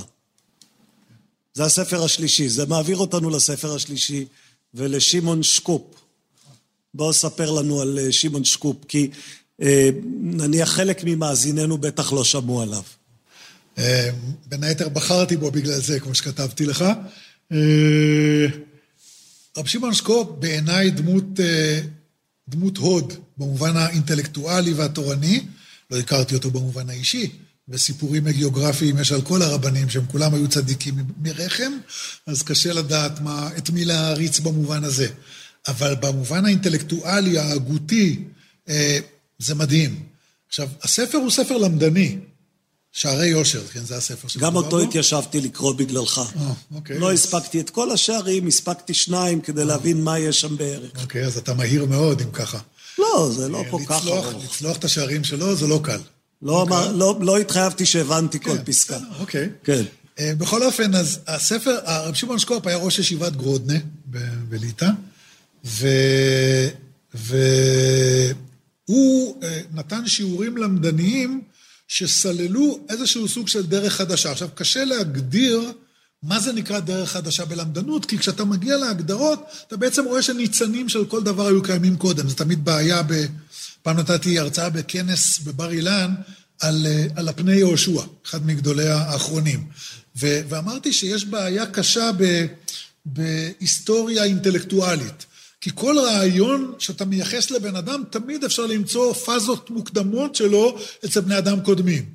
ועדיין נכון לשייך אותו לאדם שהמשיג אותו, שהגדיר אותו, שהעמיד אותו לרשותנו, לרשות הציבור. גם דרווין בא ברגע מסוים, ולצידו היו לא מעט אנשים שחשבו מחשבות קצת דומות לשלו נכון, מסוגים שונים. נכון, פרצו לו הרבה מהדרך, נכון? נכון בדיוק. כן. ולכן בסופו של... אבל מצד שני, אני לא רוצה להסיק מזה את המסקנה הניהיליסטית. זאת אומרת, אני כן חושב שאפשר... שאף אחד לא ממציא שום דבר. בדיוק. כן. אני כן חושב שצריך לתת קרדיט לבני אדם על רעיונות שהם המציאו, גם אם היו לזה פאזות מוקדמות, כי הם אלה שהמשיגו את זה, הם אלה שהעמידו את זה לשירותו של הציבור, אחרי שזה מומשג, אז אנשים יכולים גם לעשות בזה שימוש, ובמובן הזה הוא באמת אה, אה, אה, סלל כמה וכמה דרכים חדשות. מה שבעיקר מייחד אותו, אני חושב, זה שלמרות שלהערכתי, או למיטב ידיעתי, לא הייתה לו שום השכלה פילוסופית, יש שם כל כך הרבה אינטואיציות פילוסופיות מרתקות ועמוקות, שזה מדהים, בתוך העולם הלמדני, הטכני, התלמודי, אה, אה, ואנחנו, כתבתי סדרה, כתבנו, סדרה של ספרים על לוגיקה תלמודית, שחלק גדול מהם בעצם מבוססים על רעיונות שמקורם ברב שמעון שקופ, שפיתחנו אותם ועשינו להם פורמליזציה לוגית וכולי, אבל זה מתחיל באיזושהי אינטואיציה בריאה של רב שמעון שקופ. אז בוא, בוא, בוא נאחז בדוגמה, כלומר, ת, תנסה לייצר דוגמה שממנה נבין מה, מה עושה רב שקופ שלא לא רבים עשו לפניו. אוקיי, okay, אני, אני, אני, אני אביא אפילו שתיים אולי, אם תרשה לי. אוקיי, בטח. דוגמה אחת, זה לקוח מתחילת שער ה' של שער היושר. ששם זה הוא... טוב, לשם לא הגעתי. כן, אוקיי, אז אני הולך על בטוח. כן. אה, אז שם הוא מדבר על, אה, על, אה, נגיד, אני תובע אותך ממון. עכשיו, אתה בספק, אתה לא, נגיד, אני אומר שלווית ממני כסף, תחזיר לי 100 שקל. ואני בטוח, זאת אומרת, אתה לווית ממני ו- ו- ולא החזרת לי. ואתה אומר, אתה יודע מה, אני לא זוכר, יכול להיות שלוויתי, יכול להיות שלא. אבל ההיגיון אומר, טוב, כלומר, זה מצב של ודאי וספק. נכון, אתה אומר בוודאות, ואני אומר... מה שנקרא בריא לא ושמע בשפת כן, השפה ההלכתית. כן. עכשיו, אני טוען בריא ואתה טוען שמע. ההיגיון הפשוט אומר, שבסדר, אם אני בטוח ואתה לא בטוח, אז תשלם. זאת אומרת, אה, למה להניח שאני משקר, אם אפילו אתה לא טוען שאני משקר, אתה פשוט לא זוכר. טוב, ואז יש המוציא מחברו עליו הראייה, אז אתה צריך להביא הוכחה. בדיוק. אתה רוצה לקחת ממני. זה מה ששואל רבי שמעון סקופ, אז הרי יש פה המוציא מחברו עליו הראייה, ולכן בהלכה, גם אם אני תובע אותך בבריא, ואתה מתגונן בשמע, אתה פטור. כי יש המוציא מחברו עליו הראייה. אז שואל רבי שמעון סקופ, איך זה שאנחנו לא מוטרדים מספק איסור גזל? הרי אתה לא יודע אם לווית או לא. עכשיו, אם לא תפרע לי את ההלוואה, אתה תעבור על איסור גזל. אולי כן, אולי לא, אתה בספק. כן, כן. עכשיו, ספק איסור דאורייתא, אנחנו צריכים להחמיר. אז אתה חייב להחמיר ולשלם לי את הכסף כדי לא לעבור על איסור כלומר, גזל. כלומר, גזל הוא איסור מהתורה, ואני בספק האם לוויתי כסף ולכן אני בספק של גזל, ומכיוון שכך צריך להחמיר, ולכן אני צריך לשלם לך למרות שאני בספק. אז למה ההלכה וש... אומרת שאתה לא צריך לשלם? זה בעצם מה שהוא שואל. עכשיו, בלי להיכנס לטכניקה של התשובה, כי היא קצת אה, אה, מייגעת ומקצועית, אבל הנקודה שאליה הוא מגיע, זה שיש איזה שהם עקרונות שקודמים להלכה, ומחייבים אותנו מעצם היותם, אני קורא לזה תורת המשפטים. זאת אומרת, החשיבה המשפטית שקודמת לתכנים הספציפיים ההלכתיים, מחייבת אותנו מעצם היותה שם. לא, לא בגלל התורה, התורה כלומר, לא... יש, ישנו עולם משפטי והעולם ההלכתי הוא נגזרת, נגזרת הוא לא נגזרת, אחת שלו? הוא קומה ב', הוא קומה ב', כן. והוא מחייב אותי באופן בלתי תלוי, הוא לא נובע מקומה ב', כי הוא נמצא בקומה א'. הוא גם אוניברסלי כנראה, זאת אומרת, הוא לא דווקא יהודי, אפרופו מה שדיברנו בהתחלה. והוא אומר שזה מחייב, ואז הוא שואל שם שאלה מעניינת, בלי, בלי קשר לאיך שהתחלנו, שואל שאלה מעניינת. רגע, וזה תמיד שואלים עליו. הוא כבר ראה את זה כשהוא כתב, שישאלו, אבל תמיד כן. שואלים עליו. למה שאני אקיים משהו שהתורה לא מצווה? הרי התורה לא מצווה, בסדר, ההיגיון, הכל יפה, אבל למה שאני אקיים את זה? אני עובד את השם, אני מקיים את ציוויי התורה. אם זה לא כתוב בתורה, בסדר, אתה ממציא לי המצאות שיש מערכות אחרות, נגיד שהן ישנם. אז מה? למה שאני אציית להן? למה שאני כלומר, אקיים אותן? בעצם לדעתו, למרות שההלכה אומרת שאני לא צריך לשלם לך, אני בכל זאת כן צריך לשלם לך? לא, לא. שם במקרה ההוא, תורת המשפטים דווקא יהיה הסבר למה לא צריך לשלם. כי תורת המשפטים אומרת שהמוציא מחברו עליו הראייה, הראייה. ממילא, אם הדין הוא שהכסף יישאר אצלך, ממילא גם איסור גזל לא יהיה. הבנתי. כי הרי ההלכה אמרה שאתה יכול להחזיק בכסף, אז גם איסור גזל לא יהיה. אז יכול, לכן אתה יכול להשאיר את ה... זו התשובה שלו לשם. אבל מה שמעניין אותי, זה התשובה שהוא נותן לשאלה הזאת. כששואלים אותו, למה לקיים משהו שהתורה לא ציוותה? אז הוא עונה כמו יהודי טוב בשאלה על שאלה. ולמה לקיים את מה שהתורה כן ציוותה? עכשיו, זה בספר לימודי, טכני. זה שאלות שאתה לא תמצא בספרים למדניים. זה ספרים פילוסופיים. למה לקיים את מה שהתורה כן ציוותה? ואז הוא עונה, כי השכל אומר שצריך לקיים את זה. נו, אז מי קודם, התורה או השכל? הרי גם את התורה אני מקיים בגלל שהשכל מצווה. אז אם השכל מצווה אותי לקיים את תורת המשפטים, אז אני צריך גם לקיים אותה. כלומר, בעצם יש כאן טענה שבבסיס היא טענה, אני חושב, פשוטה להבנה, מכיוון שהשכל הוא זה שגוזר האם אני אקבל או לא אקבל את התורה, סימן שהשכל קודם לתורה, סימן שהשכל בנקודות מסוימות, שנניח התורה לא מכסה, אני משתמש בשכל כדי בדיוק. לעשות את מה שצריך בגמרא לעשות. כתוב, למה לקרוא סברה? הוא כן, אם יש סברה אז לא צריך פסוק, הסברה מספיקה בשביל זה, אפשר להביא לזה עוד ראיות. אבל ההמשגה של הרעיון המהפכני זה שעד היום אנשים בעולם הישיבתי לא מאמינים שהוא אמר את זה, ומתווכחים איתו ורבים איתו. ולא, ולא רואים בזה איזה מעשה של כפירה? כלומר, איזה סוג של, של מצב שבו כן. אתה אומר, השכל האנושי קודם להנחיות רבי התורה? שלמה או- פישר נפטר לא מזמן, כן. גם כן היהודי מאוד מאוד מעניין, הוא כותב על זה, לא אומר כפירה, אבל זה הסאבטקסט. מה, מה זאת אומרת? למה שאני אקיים משהו שלקדוש ברוך הוא לא ציווה? זה... אבל בעיניי ההיגיון שלו הוא היגיון לגמרי בריא והגיוני, בדיוק כמו שאמרת קודם, ואני בכלל לא רואה, להפך, אני חושב שזאת אינטואיציה נהדרת, וזו תפיסה פילוסופית לחלוטין, שנמצאת בתוך דיון לגמרי טכני על המוציא מחברו עליו הראייה, עם, עם מקורות, פוסקים כאלה ואחרים, ואתה פתאום מוצא את עצמך באיזשהו עולם שמשם אתה יכול להפליג מאוד רחוק. כן, מה, מה, מה, מה, מחייב אותי לקיים את החוק? ברור שלא זה שהחוק אומר שצריך לקיים את החוק, נכון? זה לולעתי. כן. אז זה צריך להיות עיקרון אחר, אבל העיקרון האחר לא מחייב אותי, הרי אותי מחייב רק החוק. אתה מבין שזאת אותה שאלה בדיוק. לא, לכן שאלה ש- אמרתי שאנחנו ממשיכים מהלולאה ל... נכון. ללולאה מסוג בדיוק, אחר. נכון. והשאלות האלה מע- מעסיקות את, את האנשים שעוסקים בתורת המשפט, בהגות המשפטית, ואצל רב שמעון שקופ זה איזושהי הערה בכמה משפטים בתוך דיון על המוציא מחברו עליו הראייה ואיזשהם פרטים טכניים כאלה או אחרים. זה דוגמה אחת. דוגמה שנייה זו הדוגמה שאתה הבאת קודם, שאנחנו עשיתי ממנה הרבה פרנסה. אה, השאלה מתחילה עוד פעם בלולאה, ולולאות זה דבר מאוד חביב עליו, אני חושב שזה באמת משהו שיכול ללמד הרבה, אה, לולאות ופתרונן וסברן. תחשוב על בן אדם שמגרש את אשתו, ואפשר לגרש אישה בתנאי. והוא מתנה איתה שהיא מגורשת רק אם היא לא תינשא לפלוני. אם היא תינשא לפלוני, הגירושים מתבטלים, אוקיי? עכשיו, היא הולכת ונישאת כלומר, לפלוני. אני נותן לך גט ובלבד שלא תתחתני עם איציק. כן, אני יכול להתנות. גט שאני נותן בכל מיני תנאים. כן. עכשיו, אני מתנה שהיא לא תתחתן עם משה. עכשיו, היא התגרשה, כבר הכל בסדר. יש מאזינים שקופצים על איך זה יכול להיות, ויש פה... כן, ו- לא ניכנס כל עניין לשוביניזם. ולכל הדברים האלה. נכון, אוקיי. זה דיון אחר. הלכתית, אתה נותן גט, אתה. נותן תנאי, אתה אומר, את יכולה להיות מגורשת אם לא תתחתני עם ההוא. כן. עכשיו, היא התגרשה, הכל בסדר, נישאה, אפילו נולדו לה ילדים, התגרשה מהשני או התאלמנה ממנו, והולכת להתחתן עם משה. שאסור עליה בגלל התנאי כן. בגט הראשון. אגב, הוא לא אסור עליה, אלא שאם היא מתחתנת איתו, מתבטל הגירושין. טוב, לא אבל אז יש את איש, כן, ואז בוודאי שהוא כן, אסור עליה. אני לא יכול לאסור עליה דברים, אני לא הקדוש ברוך הוא. כן. כל מה שאני יכול זה להתנות את הגט שאותו נתתי. כן. עכשיו, היא התחתנה עם, משה. מה קורה? הגט מתבטל למפרע, נכון? שזה. אומר שהיא עדיין נשואה לחיים. היא עדיין נשואה לחיים. עכשיו, זה שהיא נישאה לו באמצע והילדים שלה ממנו, ממזרים. נכון? כי היא הייתה אשת איש, נשואה, כן. עכשיו, ממילא, כשהיא באה להינשא למשה, אז היא עדיין אשת איש של הראשון. כן. אבל אם היא אשת איש של הראשון, אז נישואיה למשה לא תקפים. נכון. אבל אם נישואיה למשה לא תקפים, אז היא לא התחתנה עם משה. אז הגט לא בטל. אז הגט, כן, הגט אז- לא בטל. כן. אז היא בעצם פנויה. אז היא כן יכולה להתחתן עם משה, אבל אם היא התחתנה, כן, פרדוקס הלולאה, כן, פרדוקס כמו כן, פרדוקס בטח השקרן. יש כמה שאיבדו אותנו באיזשהו שלב בדרך, אבל כן, יש פה... איזשהו סוג של לולאה, כן? עכשיו, הפתרון שרבי שמעון שקופ מציע לזה, וללולאות כאלה אי אפשר להציע פתרון לוגי, כי ברמת הלוגיקה זה נשאר לולאה, ואתה יכול להסתובב עד מחר, זהו.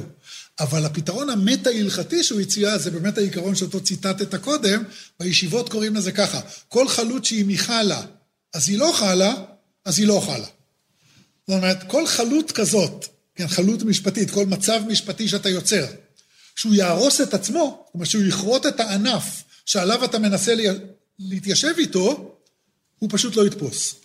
וממילא הענף יישאר בחיים, והחלות לא תתפוס ו- וזהו. ורק כדי שנבין מה זה אומר במקרה של הגט הזה, אז עכשיו, מה... היא הולכת להינשא למשה. כן, הגירושין, הכל היה בסדר, אין, אין בהם שום פגם. הנישואין לשני, הילדים, הכל בסדר. התחתנה, התאלמנה, עכשיו עברה למשה. עכשיו היא באה להתחתן עם משה.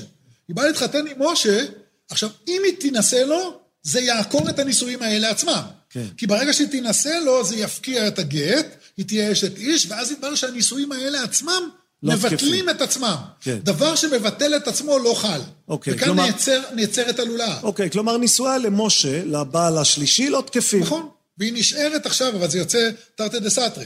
כי היא נשארת בעצם, פנויה. היא היא לא נישאה למשה, היא נשארת פנויה, ולמרות שהיא פנויה, נישואיה למשה לא תופסים. עכשיו למה? היא פנויה, למה שהיא לא תתחתן איתו? הם לא תופסים, לא כי היא אשת איש, הם לא תופסים בגלל העיקרון של רבי שמעון שקופ. בגלל העיקרון הזה שחלות כזאת שתבטל את עצמה, אין לה תקפות הלכתית.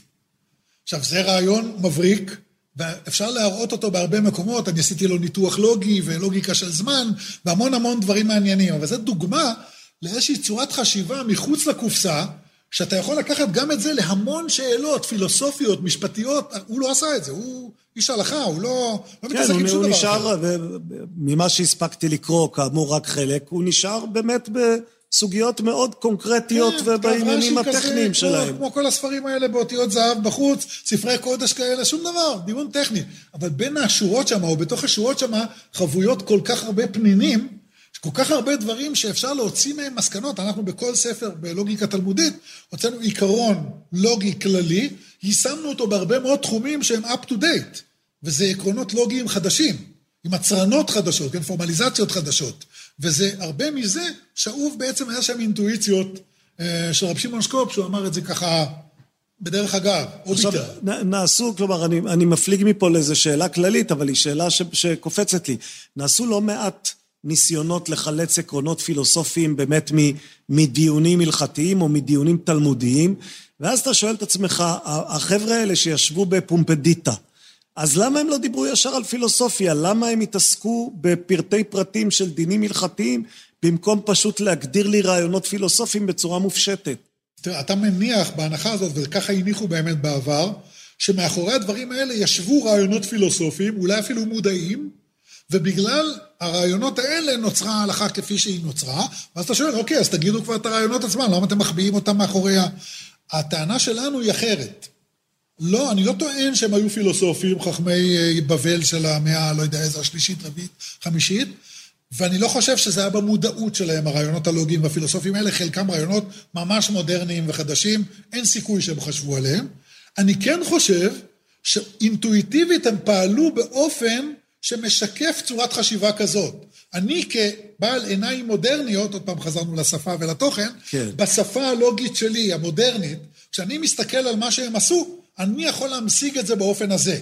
אני לא טוען שזה היה מודע אצלם, או שזה בכלל זאת באמת הייתה הסיבה, אבל אני כן חושב שאני לא סתם תולה בהם בוקי סריקי. זאת אומרת, אני כן חושב שזה ניתוח אמיתי של מה שהם, מה שעמד מאחורי מה כלומר, שהם... נ- נניח שהיה, נערך עכשיו מפגש פסגה בין אה, מיקי לבין אה, שמעון, רב שמעון שקופ, או רב אשי לצורך העניין, והיית בא והוא פורס לפניו את הפילוסופיה שלו כפי שאתה מבין אותה, אני טוען שהוא היה מודה.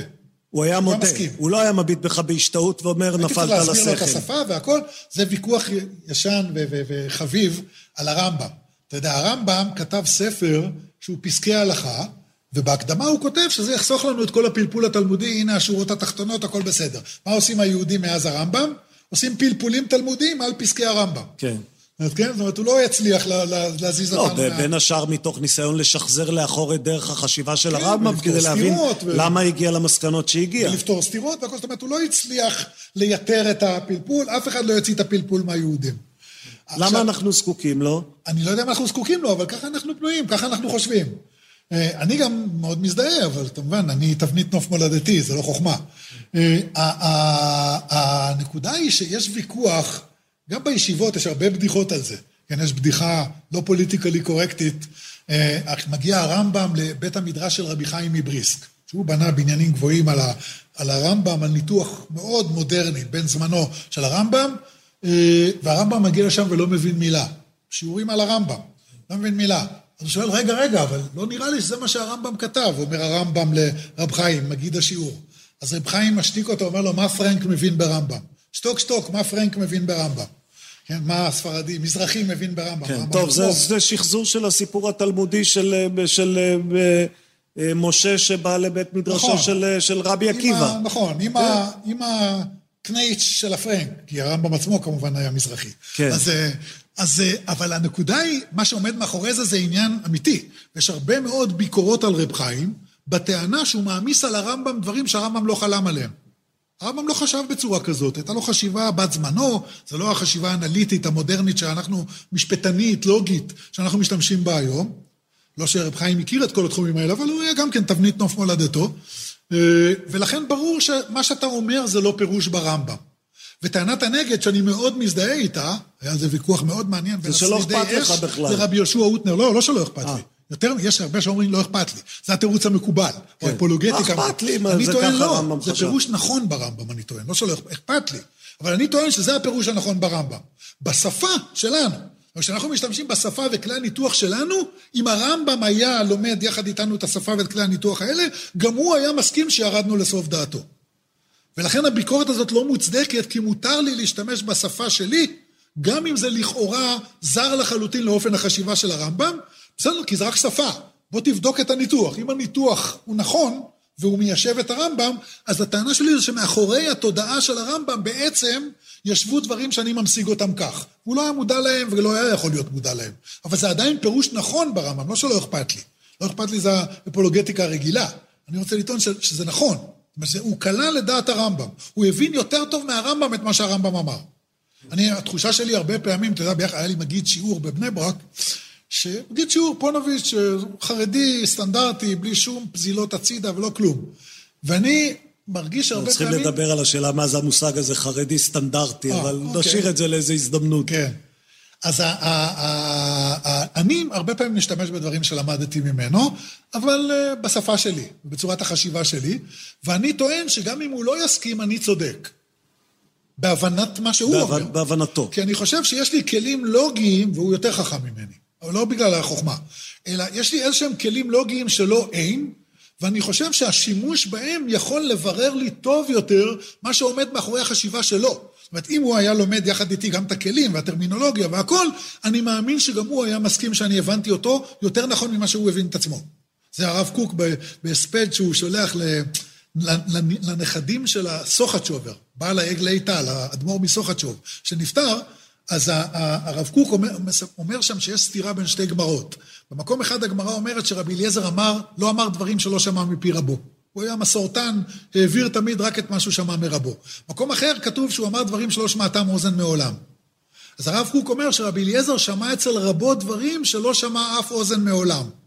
ואני מוסיף שהוא שמע אצל רבו דברים שלא שמע אף אוזן מעולם, כולל האוזן של רבו. זאת אומרת, הוא שהצליח לשמוע אצלו, אצלו אצל דברים, רבו דברים שאפילו הוא עצמו לא, לא היה מודע להם, אבל הם באמת היו שם. אני לא טוען שהוא מעמיס עליו את זה, אלא אני חושב שהם באמת היו שם. לא תמיד בן אדם מצליח לרדת לסוף האינטואיציות שלו עצמו. צריך לפעמים כלי ניתוח וחשיבה יותר מתוחכמים בשביל לעשות את זה. ולכן אה, זה לא מופרך להגיד דבר כזה. אם יכולת ללכת ולהיפגש עם לואיס, הופסטאטר, אוס שקופ, ולומר להם למה הם התכוונו באמת, מי, במי משלושתם היית בוחר ולמה? תראה, הפגישה הכי מעניינת לדעתי הייתה עם לואיס. כי שני האחרים אני מרגיש שאני מכיר אותם.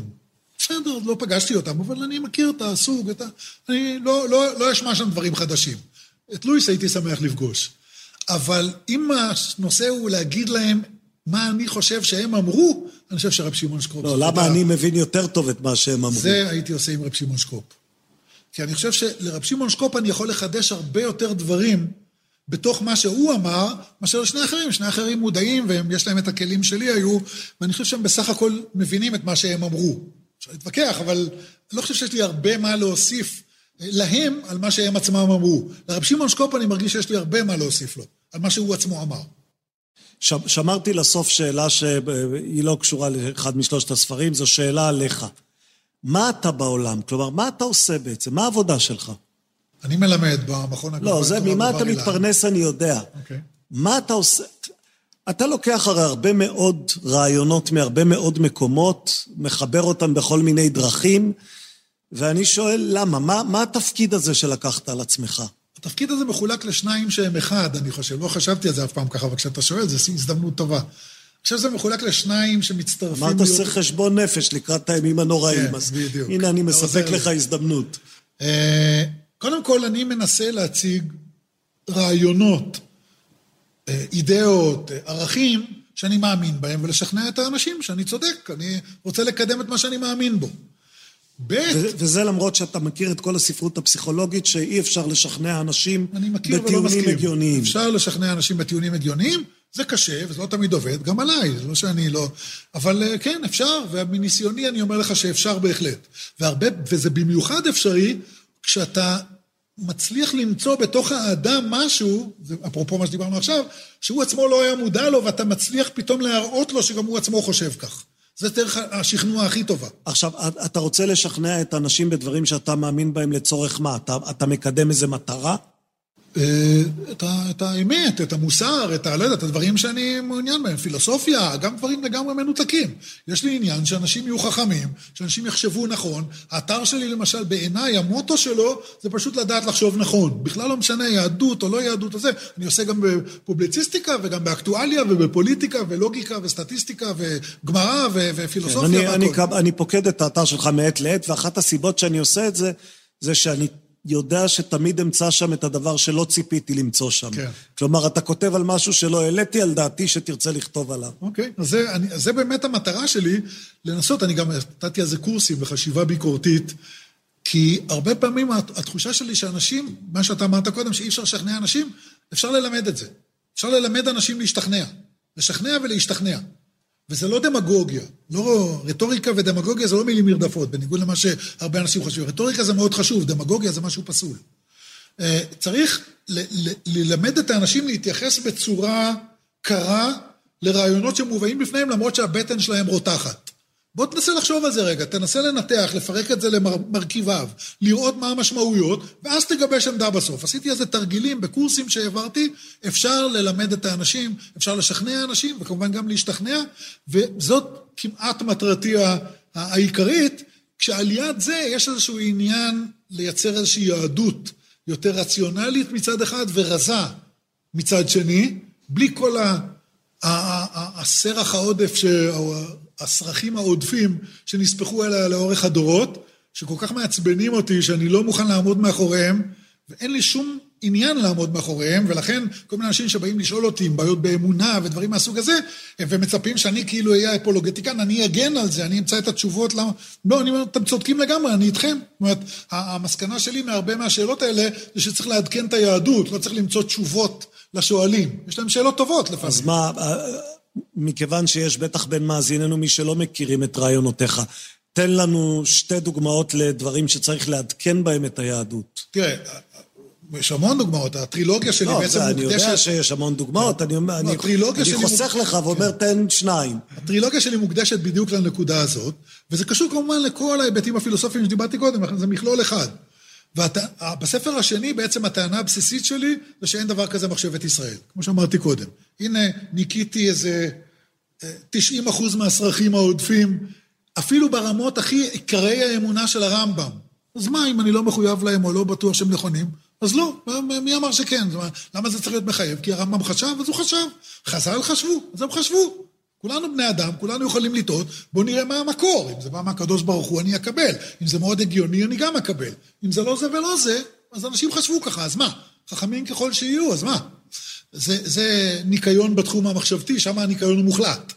אה, כמעט מוחלט. כלומר, בעצם אתה אומר, בתחום, בכל התחום המחשבתי שנוגע לעקרונות, עקרונות היהדות, אתה בעצם אומר, אין דבר כזה, לא היה ולא נברא. יש עקרונות נכונים ולא נכונים, אין עקרונות היהדות ועקרונות הנצרות. אם זה נכון, אז זה נכון, ואם לא, אז לא, מה אכפת לי אם אני יהודי או גוי, או אם מי שכתב את זה הוא יהודי או גוי. אה, כנ"ל לגבי מוסר כמובן. הנכון והמוסרי זה עניינים אוניברסליים בהגדרה. אין דבר כזה מוסר יהודי, זה שטויות. אוקסימורון מוסר יהודי. מוסר זה מוסר. אה, ובהלכה, הטענה שלי זה שצריך אה, לשים לב מה מחייב בהלכה ומה נתון לנו. יש הרבה מאוד אפשרויות לשנות הלכות, והתחושה אצל הרבה מאוד אנשים, רוב האנשים מרגישים שצריך לשנות מה זאת אומרת יש אפשרות לשנות הלכות? כל ההנחות אה, נכתבו על ידי בני אדם. זה ברור, אבל גם הלכות שכתובות על ידי בני אדם לא כל כך פשוט לשנות, זה הצד השני של המטבע. כל זה אני מטפל בהרחבה, אבל הנקודה היא ש... שהרבה מאוד אנשים מרגישים שצריך לשנות, שהעסק לא, לא מדבר עם העולם שבו אנחנו חיים, אבל התחושה היא כל הזמן שאנחנו תקועים כי אין לנו סמכות. אין סנהדרין, או חז"ל, או אי אפשר לחלוק עליהם וכולי. אני מנסה לטעון, אוקיי, אם זה מה שאתה מרגיש, אני אפתור לך את הבעיות הטכניות. זאת אומרת, הבעיות הטכניות אני יכול לפתור. יש דרכי שינוי שיכולות לעקוף בעיות סמכות, או זמני, או לא משנה, כל מיני דברים כאלה. אתה כתבתי... מאמין שהבעיה היא באמת בעיית סמכות, או שבינך לבין עצמך אתה מבין שהבעיה היא בכלל בעיה רגשית, פסיכולוגית, אה, וחשש שמא כשתתחיל לפרום, זה ייפרם ולא יישאר כלום. אין ספק שיש גם את זה, ואולי אפילו זה הדבר העיקרי, אבל אני נאמן לדרכי שאמרתי קודם. פסיכולוגיה לא עולה על, שולח, על שולחן הפילוסופי. זאת אומרת, הרבה פעמים, אתה יודע, הייתי בכנסים של רבנים, אז אומרים, בא אליך תלמיד עם שאלות וזה, דע לך, השאלות שלו הן תשובות. הוא בעצם מחפש לצאת החוצה והוא ממציא שאלות, ואני מתקומם כנגד אמירה כזאת. לא כי זה לא נכון, אלא כי זה לא פייר להתייחס ככה. גם אתה מונע מכל מיני דברים. הדת היא אופיום להמונים, כמו שאמר מרקס. אני יודע שאני לא דתי בגלל שזה נוח לי? אני לא יודע, אני יודע שאני יכול לנסות להצדיק את העמדה שלי. מאיפה זה בא פסיכולוגית? לא יודע. ולכן גם אצלו אני לא נכנס לו מתחת לחגורה. הוא שואל שאלות, מגיע לו תשובות. אל תיכנס לו לשאלות, לשאלת המוטיבציה. ואני חושב שאותו דבר גם פה. וזה אחד הדברים שאני מנסה לחנך לחשיבה ולניתוח רציונליים, זה בין היתר לנסות ולנתק את המימדים הפסיכולוגיים שלך ושל בן השיח שלך. גם אל תתייחס לפסיכולוגיה שלו ולא לשלך. תנסה לדון בדברים לגופם. אני גם מאמין שבסופו של דבר זה גם יכול לעבוד. זה יכול לעבוד כי אם אני אראה לאנשים שהמנגנונים ההלכתיים שהם פיתחו כדי לאפשר להם להישאר סגורים ושלא יהיה רפורמה פה חס ושלום, אם אני שובר להם את המנגנונים האלה, ואני מראה להם שאין מנגנונים כאלה, אז יכול להיות שאני אצליח לשחרר גם את הפסיכולוגיה שלהם. כי הם צריכים את המנגנונים האלה כדי להגן על הפסיכולוגיה. אז בואו ננפץ את המנגנונים ואז יכול להיות שנצליח גם להתמודד עם הפסיכולוגיה. ולכן אני חושב שאני מסכים שיש מנגנונים, אה, אינסטינקטים שמרניים כאלה, שאנחנו מתקפדים מול כל מיני שאלות... לא, אה, חלקם גם, חלקם גם מובנים ומוצדקים. כלומר, יש תהליכים שברגע שאתה משחרר, אז הם משתחררים ואתה מאבד שליטה. מצד שני, אבל... אז בגלל זה לא לשנות כלום, אנחנו משלמים על זה מחיר שיותר גרוע מאשר אם היו משנים דברים שלא צריך לשנות. מה המחיר? או, נו, אז מה המחיר? המחיר הוא מטורף. אנחנו, אנחנו, קודם כל אנחנו מקיימים מערכת אנכרוניסטית שבחלק גדול ממנה אין שום סיבה לקיים אותו. כי הוא לא, הוא, הוא פשוט לא מעודכן. ו, ויותר מזה, הרבה מאוד אנשים, דווקא האנשים החכמים והישרים, וצעירים בדרך כלל, אבל לא רק היום, אנחנו מאבדים אותם בגלל זה. כי הם אומרים, את האלוהים הזה אני לא, לא מתכוון להיות מחויב אליו. זה מערכת ש... עכשיו, אני לא עושה את זה בתור אה, אה, אה, לצבור רייטינג ליהדות או ל, ל, ל, להשאיר אותם אצלנו. אני חושב פשוט שהם צודקים. אני גם הייתי עוזב את האלוהים. יכול להיות שבעולם המודרני כל המערכת הזאת, כלומר, אתה, אתה רואה בה פגמים ואתה אומר בוא, בוא נשנה אותה קצת כדי להתאים אותה לעולם המודרני. אולי פשוט לא צריך אותה יותר בעולם המודרני. אני חושב ש... אני חושב שצריך או לא צריך זה לא הפרמטר שבו אני בודק את המערכת. מבחינתי המערכת היא נכונה לא כי צריך אותה, אלא כי הקדוש ברוך הוא ציווה וצריך לקיים את מה שהוא אומר. זה לא יעזור לי בשום צורה, זה לא ייצור עולם יותר טוב. אני לא מאמין שזה יוצר עולם יותר טוב. אני לא חושב שהעולם הדתי נראה יותר טוב מאשר עולמות חילוניים. אולי כאשר אתה אומר את האמירה הזאת, אתה פוגע את הפגיעה הכי אנושה, כי אז הצעירים יגידו, רגע, זה אפילו לא עושה עולם יותר טוב, אז, אז באמת בשביל מה? אבל זאת האמת, מה לעשות? הרבה מאוד אנשים מרגישים שזה לא עושה עולם יותר טוב. עכשיו, אם אני אגיד להם שזה כן עושה עולם יותר טוב, אז זה בסדר?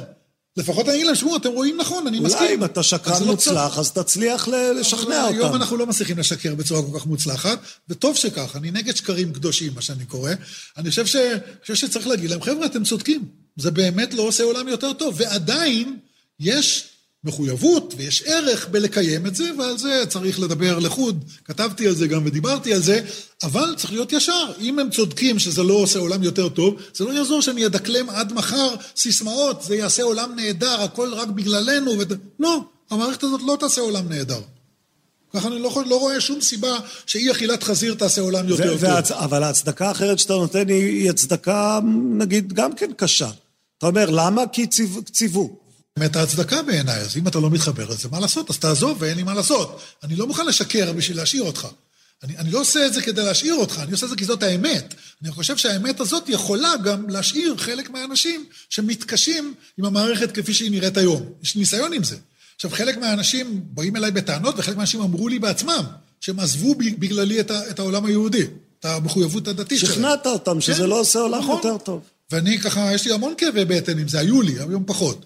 היו לי הרבה כאבי בטן עם זה. מצד שני, יש לא פחות אנשים שאמרו לי, תשמע, אתה השארת אותנו בפנים. עכשיו, אני מדבר לשניים. לראשונים יש מספיק אנשים שידברו אליהם, וכנראה לא מצליחים בין כה וכה. אה, בסדר, אני, אני לא מוכן לא להגיד את האמת בגלל שיש כאלה שיסיקו מסקנות. אם הם יסיקו מסקנות, בסדר גמור, אלה המסקנות שלהם, אני גם מכבד את זה. אם אלה המסקנות שלהם, אז שיעשו את מה שהם חושבים. הרב דוקטור מיכאל אברהם, תודה.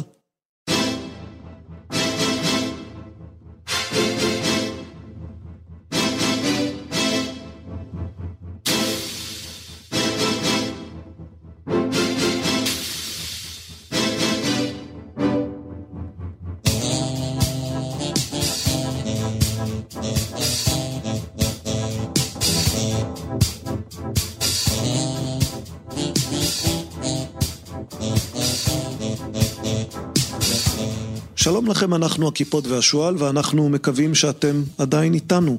תודה ששרדתם עד כה. תודה לרב דוקטור מיכאל אברהם, שהייתה לו סבלנות להשיב על כל השאלות שלנו. נזכיר לכם שהכיפות והשועל הוא מיזם של ספרים ורעיונות לסקרנים ולסקרניות, ונזכיר לכם שיש לנו אתר אינטרנט, kipshu.com, k-i-p-s-h-u.com, נשמח מאוד אם תבואו לבקר באתר שלנו, תוכלו למצוא בו את כל הספרים שלנו, שישה ספרים בסך הכל עד עכשיו, רוצים שנזכיר אותם? כנופיית המפציצים, ספר של מלקולם גלדוול, פחד, חרטה ומשאלת לב, ספר מאת גדי היימן, האם העולם באמת קיים, ספר של יצחק בן ישראל וגיא פינקלשטיין. ההיסטוריה הכי קצרה של סין, זה הספר הכי קצר וממצה שתוכלו לקרוא על ההיסטוריה של סין, וגם שני הספרים החדשים שהוצאנו ממש עכשיו, שנית לא תיפול, של ישי ג'סי פרס, ועשרה קיסרים, של ברי סטראוס. אנחנו מקווים שתקראו את הספרים שלנו, ואנחנו מקווים גם שתצטרפו לשיחה שלנו. אנחנו באים לכאן עם ההסכת הזה פחות או יותר פעם בשבועיים. פרק אחד סולו, שבו רק אני מדבר, ופרק אחד כמו היום עם אורח או אורחת. היום היה אצלנו הדוקטור הרב מיכאל אברהם, לפניו היו אניטה שפירא ויצחק בן ישראל ויובל נוח הררי ועמית סגל ומיכה גודמן ועינת נתן ועוד כהנה וכהנה אורחות ואורחים נהדרים. תוכלו למצוא אותנו בפייסבוק ולהיות חברים שלנו, תוכלו לעשות לנו share או לעשות לנו לייק, ותוכלו למצוא אותנו גם בטוויטר ולקרוא את הציוצים הקצרים שלנו. תוכלו להירשם לניוזלטר שלנו, על זה אנחנו ממליצים במיוחד, כי מי שרשום לניוזלטר מקבל גם הנחה מיוחדת על הספרים של הקיפוד והשועל. הרישום לניוזלטר נמצא באתר שלנו, כבר אמרנו, kipshu.com. הרשמו לניוזלטר ותקבלו אותו בסך הכל פעם בחודש עם עדכונים על הסכתים חדשים ומאמרים חדשים וספרים חדשים ועוד כל מיני דברים שאנחנו כוללים במכתב הזה שאנחנו כאמור שולחים רק פעם בחודש ולא יותר. זהו, אמרנו כבר, אנחנו כאן כל שבועיים ונדמה לי שבשלב הזה אפשר כבר לומר שנה טובה, כי עוד מעט ראש השנה, וחודש טוב, ושבוע טוב, ויום טוב, ומקווים שהייתה לכם שעה טובה ושהכול טוב. להשתמע.